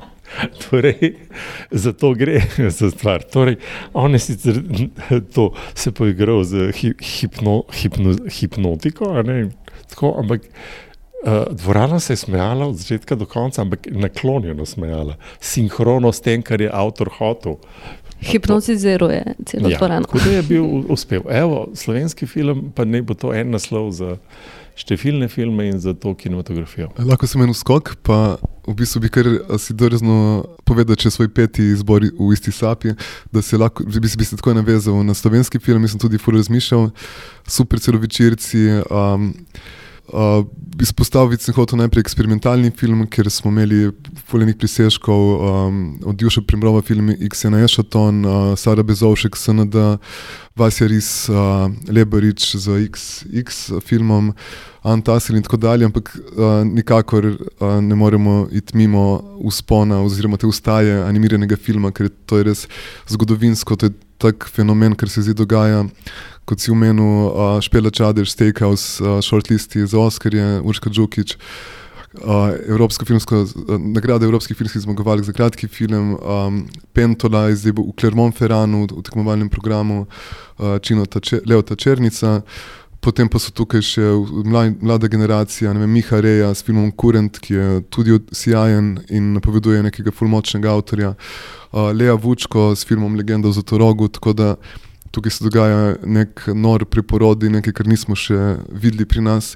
Verjetno tudi posebej posledica dolgoletnih prizadevanj in a, nekega sistematičnega pristopa, ampak res ta eksplozija je, je moj peti film leta. A imaš ti tudi kakšen slovenski film v izboru, Petra? Nimaš.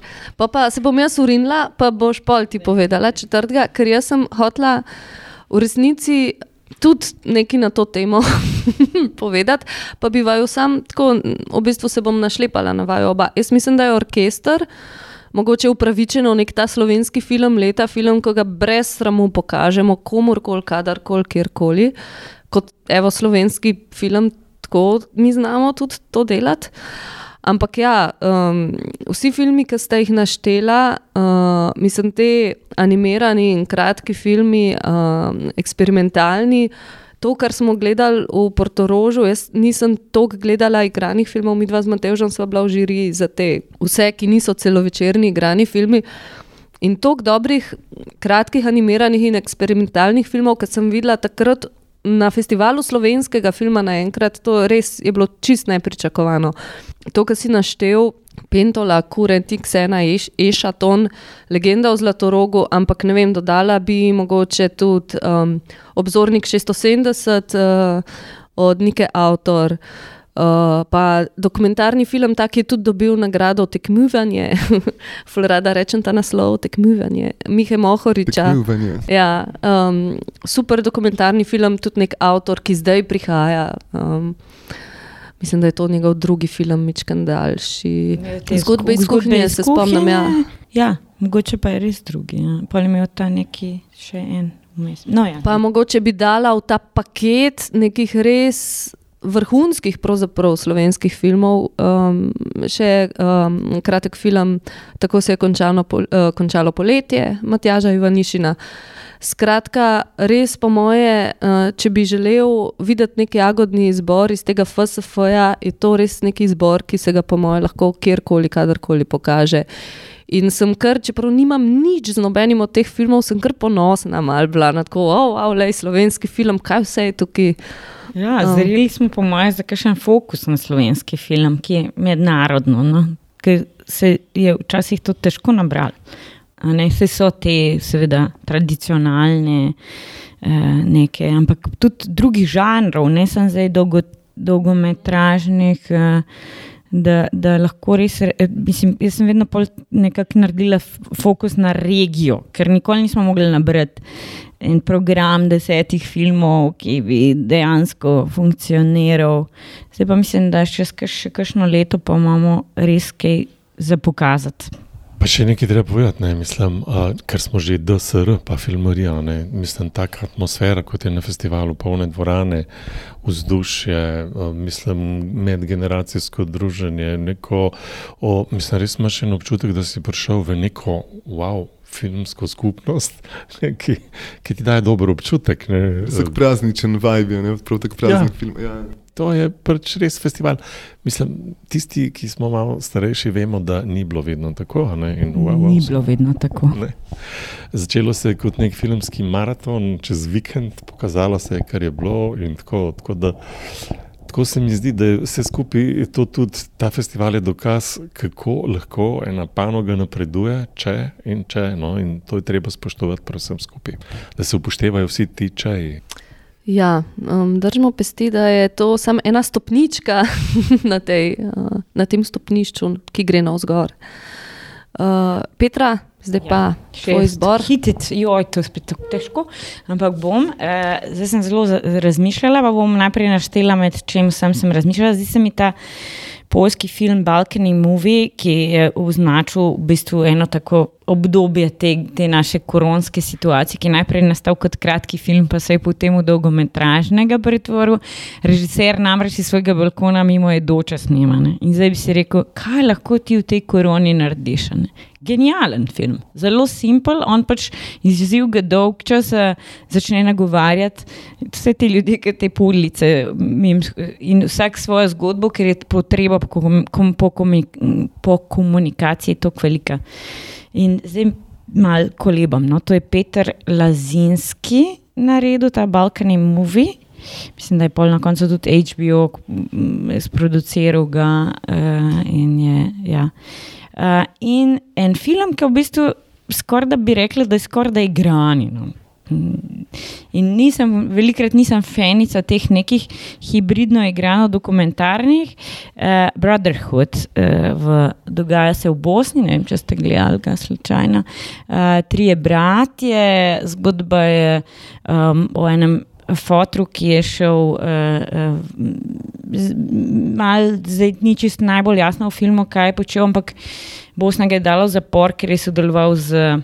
z Um, zdaj, jaz ne vem točno, če sem večkrat, da vidim, da ne bom na robe rekla. Islamic preacher piše, Klegor. No.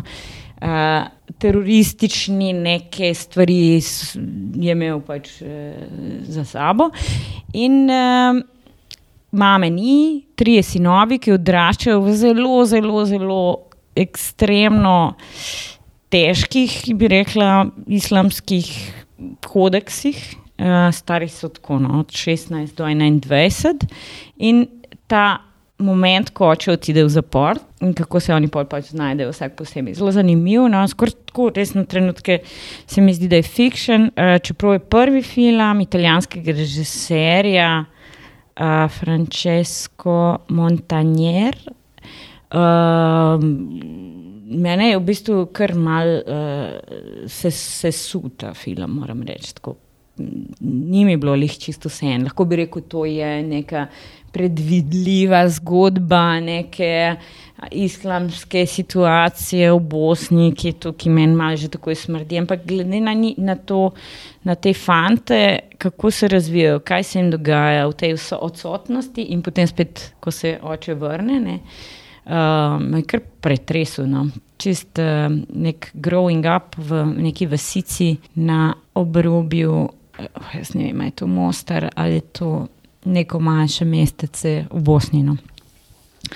Um, ja, priporočam Brotherhood. Brotherhood in prej si omenila Balkoni movie.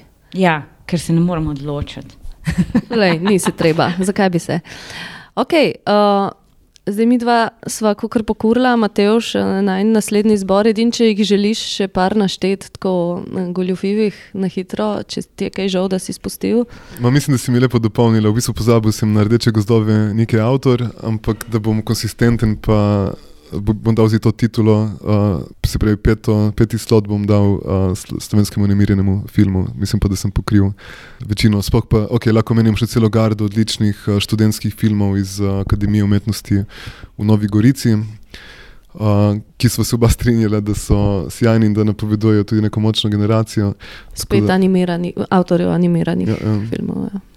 Je pa super, kako v primerjavi z nekaj leti nazaj, ne pet, šest let nazaj, kakšna eksplozija na vseh področjih, od eksperimentalne, animacije, um, igrani filmi. Vsako leto imamo kratke filme na najpomembnejših festivalih, Lokarno, Sarajevo, Clermont Ferrand. Uh, tako da se v bistvu ful, ful dogaja. Pa mogoče ni toliko medijsko izpostavljeno kot celo večerci, ampak tukaj je ful borbota in samo. Ja, ko to daš na kup, vidiš pravzaprav, da je to kar, uh, da je kar velik tega.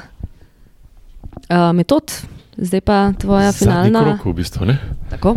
Ja, uh, spet bomo malo um, kinematografija. Uh, tako mi da misliti.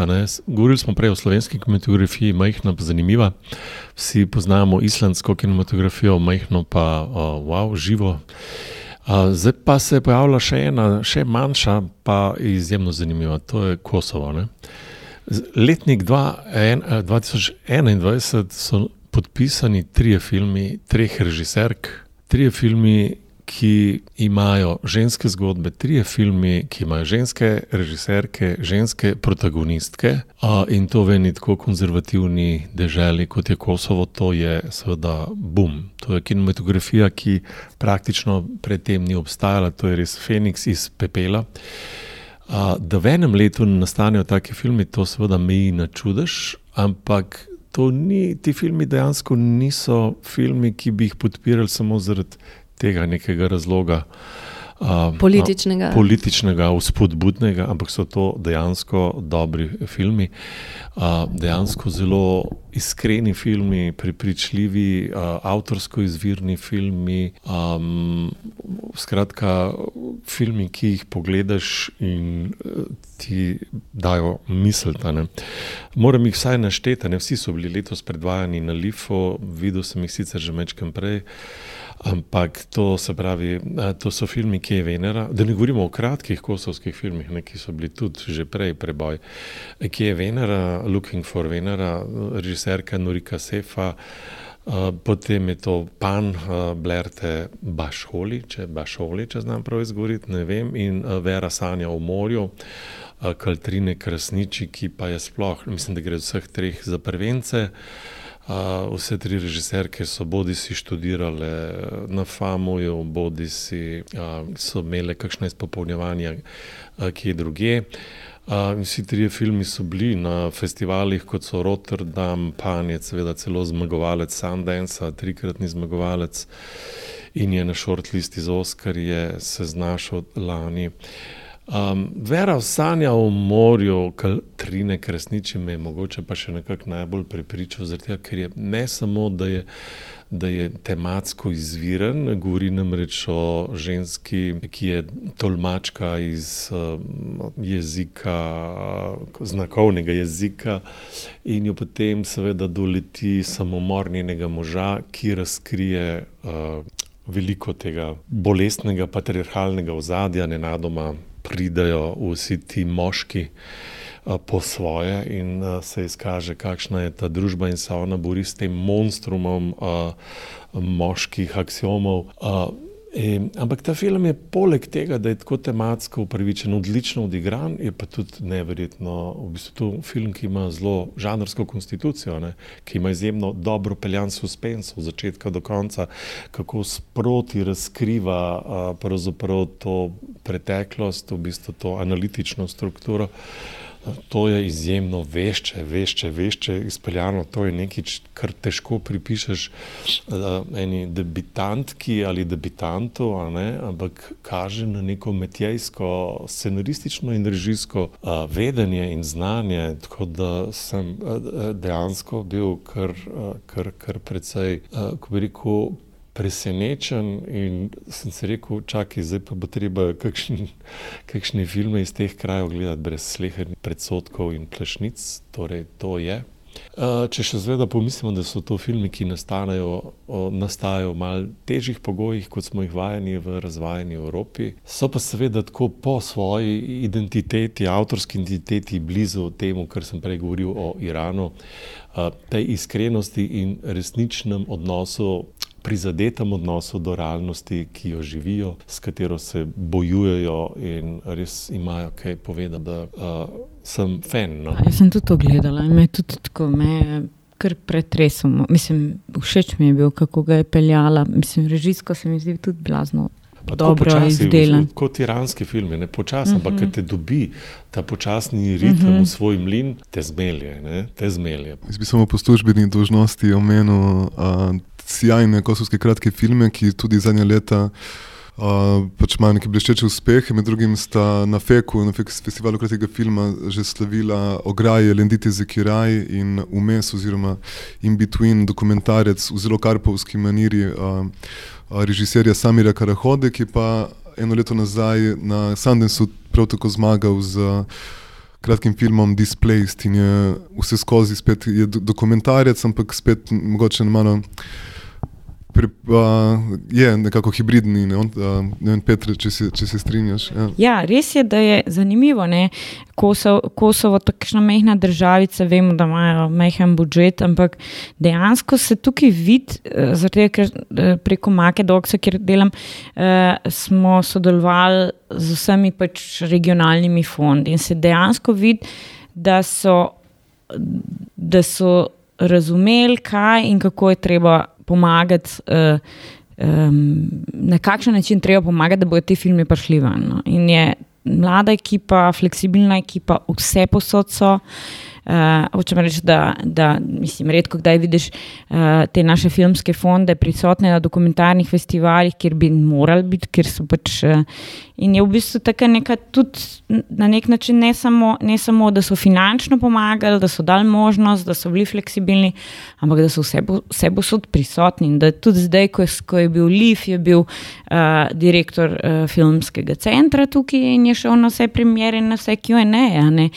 Mi res rabimo ta support, ne? ne samo zato, da bi se boš počutil, ampak dejansko, da ti kdo kdaj kakšna vrata odpre, pa kom, komu predstavi.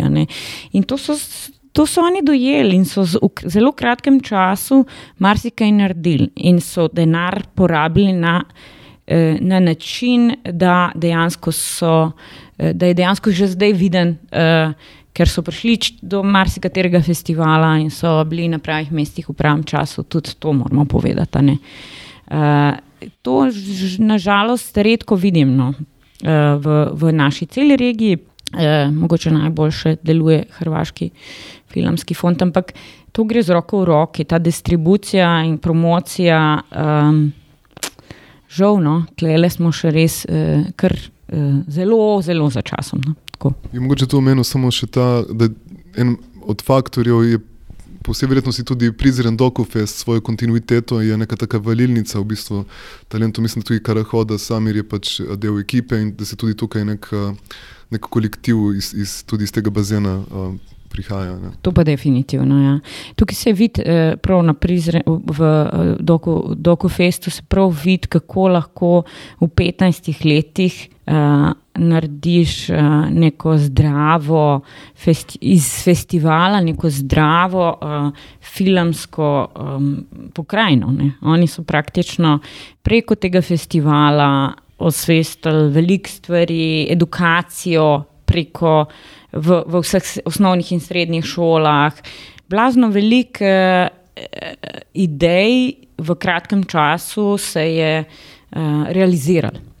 In uh, ja, to je tako, mislim, eno je ideja, druga je pa realizacija. No? In oni so pač uh, šli v akcijo no? na nek način, in uh, mislim, cela uh, dok, uh, uh, uh, ekipa iz Prizrena je, mislim, lahko samo kapo dol za vse, kar so naredili. To je redko. Zdaj pa Petra še tvoj, recimo, zadnji film ali filmi. Uh, mislim, ja, pet si jih povedala, ampak le, lahko še malo golfaš. Ja, eh, letos me je uh, Indija in um, Argentina, se pravi na v Argentini, sem našla ta en krasen uh, Marija Alvarez, ki sem pa zvedela, da je v bistvu ščirka tega Alvareza, uh, argentinskega predsednika.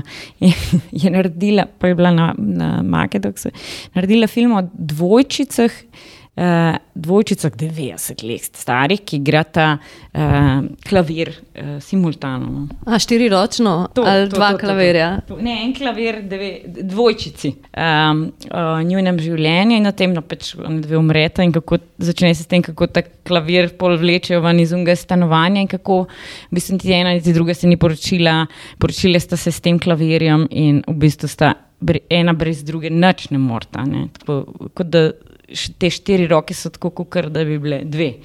Tako, res hecen, nasmejiš se, zjokaš se, mislim, tako, lušten. To je Marija Alvarez. E, naslov pa je film, ali se spomniš? Near and Dear. Uh, to je en argentinski, uh, potem je pa ta Splinters, je pa, pa, pa, je pa dokumentarist, isto narejen, uh, isto argentinski, narejen samo iz VHS posnetkov režiserke, ko je bila 12 let stara, je dobila to kamero in je snimala vse doma. Uh, to je eno malo mestece uh, v Argentini, kjer so imeli veliko uh, tovaren za orožje. Uh, in v bistvu se bolj izkaže, da je to ta naša vojna uh, v, na Balkanu. Ne? Grejo pač te bombe iz tega malega mesteca, vse direktno uh, v to pač našo jugoslovansko vojno. Uh, in kako en za drugim njene familije po, zaradi raka um, umrejo, sestre in oče.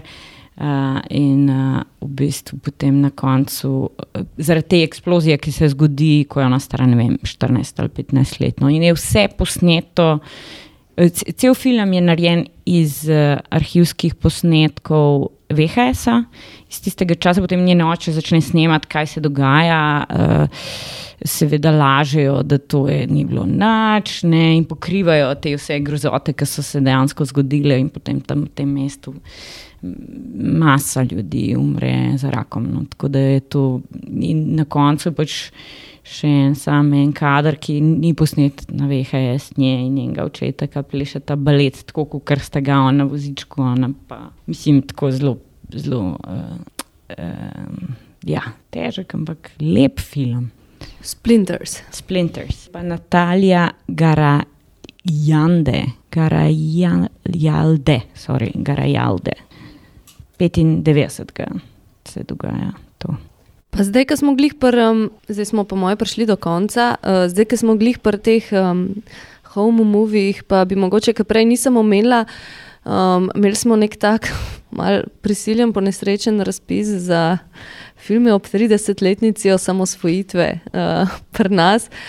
In je tukaj izšlo v ene par dokumentarcev, bolj kot ne neposrečenih, ampak um, en mi je pa bil všeč uh, in naslov je Poletje 91. Um, to je režiser Žiga Verci in je v bistvu film sestavljen iz VHS posnetkov takrat tistega obdobja. Se pravi, nekje začne se tam okrog mal pred plebiscitom leta 90 in zaključi se v tem poletju 91. Um, in se mi zdi, od vsega, kar je nastalo na to temo, tako mi je bilo to najbolj. Najbolj sem prepoznala, noter, tako, kar se spomnim iz tega obdobja. Najbolj mi je bilo to, da pa to je, ne, da nisem to neki domoljubje, pa vojna, pa no, ampak ne, neko, to, neko življenje, kakšno je takrat bilo in ene male stvari, ki so imele velike posledice. Tako se mi zdi spretno, verjetno niso imeli prav veliko teh verov na voljo, ampak iz tega, kar so imeli, se mi zdi, so spretno naredili. Um. Ja, meni je bil tudi zelo všeč, zato ker je v bistvu samo odprl to predvojno tako kot setting. Mm -hmm. Kaj je folk, mislim, tako eni, eni krasni posnetki, ki hod, hodijo na cesto v, v, v pižamah, ne, kva se vi zdaj, kle gre. Mislim, to so tako. Mene je to pretreslo, nekaj šlafroko. Ja, ja. Bele štufe, pa cokle, pa šlafroko. Ja, ja, tako, ko gremo pogledati na ulico in se prav spomnim tega, ne, Eh, tega, kako je tudi nam to bilo, tako, kaj za neki si kle paranoičijo. Ne? In to je uspel v filmu eh, prikazati, se mi zdi, blazno dober. Kako, vojna, eh, kako se zgodi vojna, nič hudega sluteč. Prej so še vsi unetrajne, pa neki so se ukvarjali z tem, kdo bo kje žuril. Ja, ne. pa neke te božične, predbožične debate, a boš dal, a boš opisal otroke v osebne, ne tiste, kaj jih boš opisal, da so slovenci ali ne, pa to folk tako debatira, pa pa vsi vemo, kaj so bile posledice, pol, če si jih, če jih nisi. Tako. Super, ja. Meni se tudi zdelo, da je, da je, bi se zelo redko kdaj vidiš začet, pred začetkom vojne ne, to, to obdobje, ki v bistvu ne snema. Ne. Ja, pa da ne snemaš politikov, ampak snemaš neke, pač, neke družine ne, doma. Kako bo vse to propadlo, ker to, kar je na naših telefonih posnet, ne bo nikjer ostalo. Dajmo si hiter na cloud, vse to.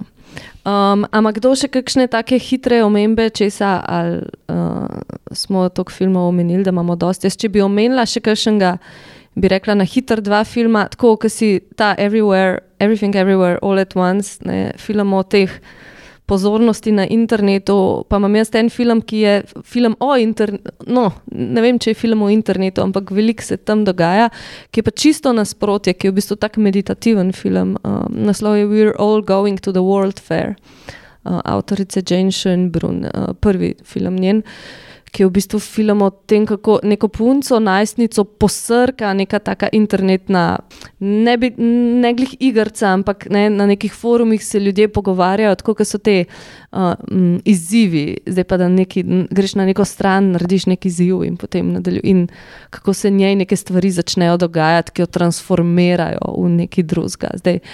Um, film eni interpretirajo kot neko izkušnjo tega transspolnosti, uh, nekateri pač čist drugače kot izkušnjo človeka na, um, v teh usporednih vesoljih interneta in kako se transformira osebnost v nekem svetu, ki ni svet tukaj med nami, ampak nek ta virtualni svet. Ampak v resnici je film veliko bolj, um, velik bolj nežen, kot pač, se sliši, in pravzaprav pa veliko bolj strašljiv na nek tak zelo zelo zanimiv, subtilen način, tako minimalističen film, totalno, ampak vse te neke velik teh nekih dilem sodobnega časa na način, ki pa mu ne bi rekel, da je ta na prvo žogo sodoben način, ko je vsega preveč, pa vse je prehitro, pa nobenega časa, pa nobene pozornosti ni za nič. Um. Zanimivo se mi zdi, da nihče ni imel na seznamu letošnjega absolutnega zmagovalca Evropske filmske akademije, Kana. Kako to, ali lahko to zdaj,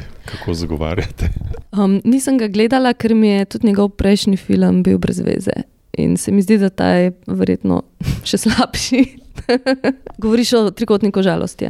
Meni se zdi, mogoče preveč očiten kandidat, pa tudi moram priznati, da me, nažalost, želel sem si, da mi bi bil bolj všeč, kot mi je bil. Uh, imam rad Ruben Oslanda, ampak tukaj se mi zdi, mogoče malo preveč, pa da se nekako ne najde tudi ta film. Pretirava v eni smeri, um, obenem je preaching to the converted. Um, vsako od teh epizod bi lahko bila film zase. Ja, jaz, sem, jaz sem ga gledala, pa se sploh ne spomnim. To? Naredil ti se na te vode. Vem, da sem ga gledala, ampak sem ga prav pozabila. Je to, ki je persifliran, tako persiflaž, da na koncu obupaš in uh, se ti zdi, da, nekak, da nismo sposobni ali kaj iskreno nekaj povedati o tej dekadentnosti kapitalizma, da je treba to še povedati na en tak dekadenten, pretiran način. In potem oh, si rečeš, oh, ne moreš. Ja, to je nekih uh, plasti, v kere se pakira ene stvari. Ja. Ja. To, jaz sem, um, tega nisem gledala, ampak sem gledala pa je na isto temo, ne, ti Kvadrat, ja. milijonari, pa kapitalizem, kvadrat. Pa recimo gledala sem par dni nazaj in sem se mučila, štiri dni sem ga gledala, ker sem trikrat zaspala. Ta mm, steklena čebula, ne, Glass Onion, uh -huh. ki je zdaj na Netflixu film, za katerega je Netflix dal ne vem koliko milijonov, kot Knives Out nadaljevanje, ki isto govori o teh podobnih stvareh, ne, o tej dekadenci in tem, kako so pravzaprav ta, ta eh, vladajoči razred, ki ga idoliziramo, kot o, to, da je nekdo naredil iz nič, neko bogatstvo, mora biti nek genij, pa kako so to pravzaprav preprosti, predvsem butasti ljudje. Zagledani vase, ampak na tako čiten način, tako slabe fore. Tako, vem, je tako To je prav nek trend, se mi zdi. Jaz sem se pa zelo zamislil, ko sem videl film Rimini od Ulricha Zajdla. Ne. V bistvu je to enako dober film, kot so bili njegovi filmi predtem, kakšen eksport, import in podobno, ki so name naredili velik vtis. In ravno to, ne, govoriti o nekem dekadentnem svetu na Zahodu, vse čas na isti način postane samo po sebi dekadentno oziroma nemočno, izrazno. In zakaj naj zdaj ta bogi avtor naredi, sebe ne more spremeniti in sem se prav vprašal, koliko časa lahko ustrajaš kot avtor na neki poti, ker uh, s to svojo vizuro ali vizijo lahko začneš tudi utrujati, ponavljati.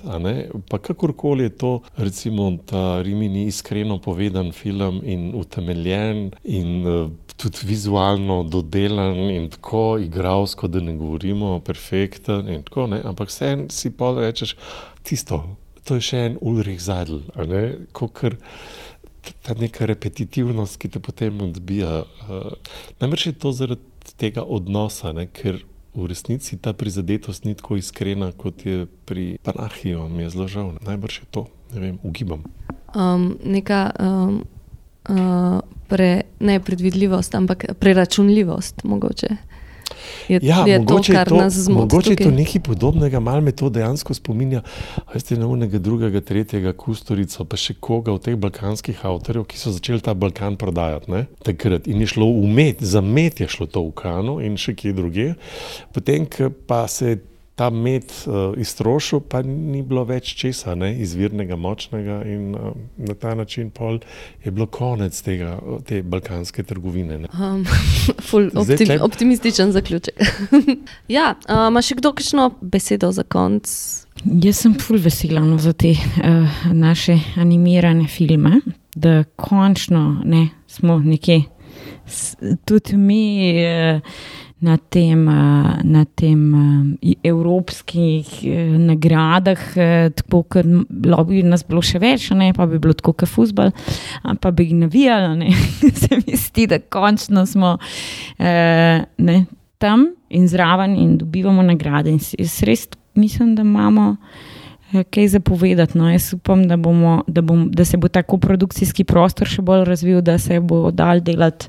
Ker vemo, da pač brez tega ni nič, da, da, da bomo naredili še korak naprej. No. Da ne bomo tako bolj izjemoma, kot kar pravilo, delali ven iz svojih meja, pa imeli filme eh, malo eh, distribuirane po kakšnih drugih eh, državah.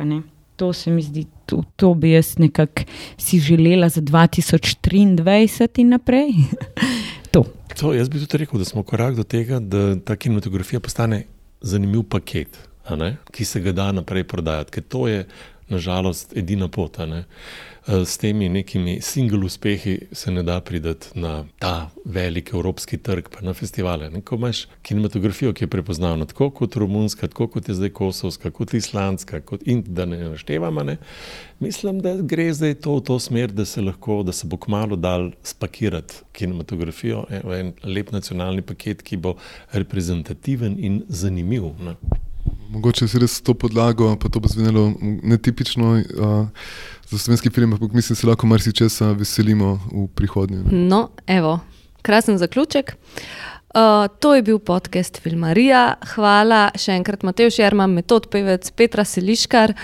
Uh, Hvala, Urša. lepo, da ste bili tukaj le več kot dve uri z mano um, in naredili ta krasen izbor. Uh, bo se pravi, seznam filmov, še enkrat povem, v opisu, tako da lahko sam copy-paste na vašo watchlisto.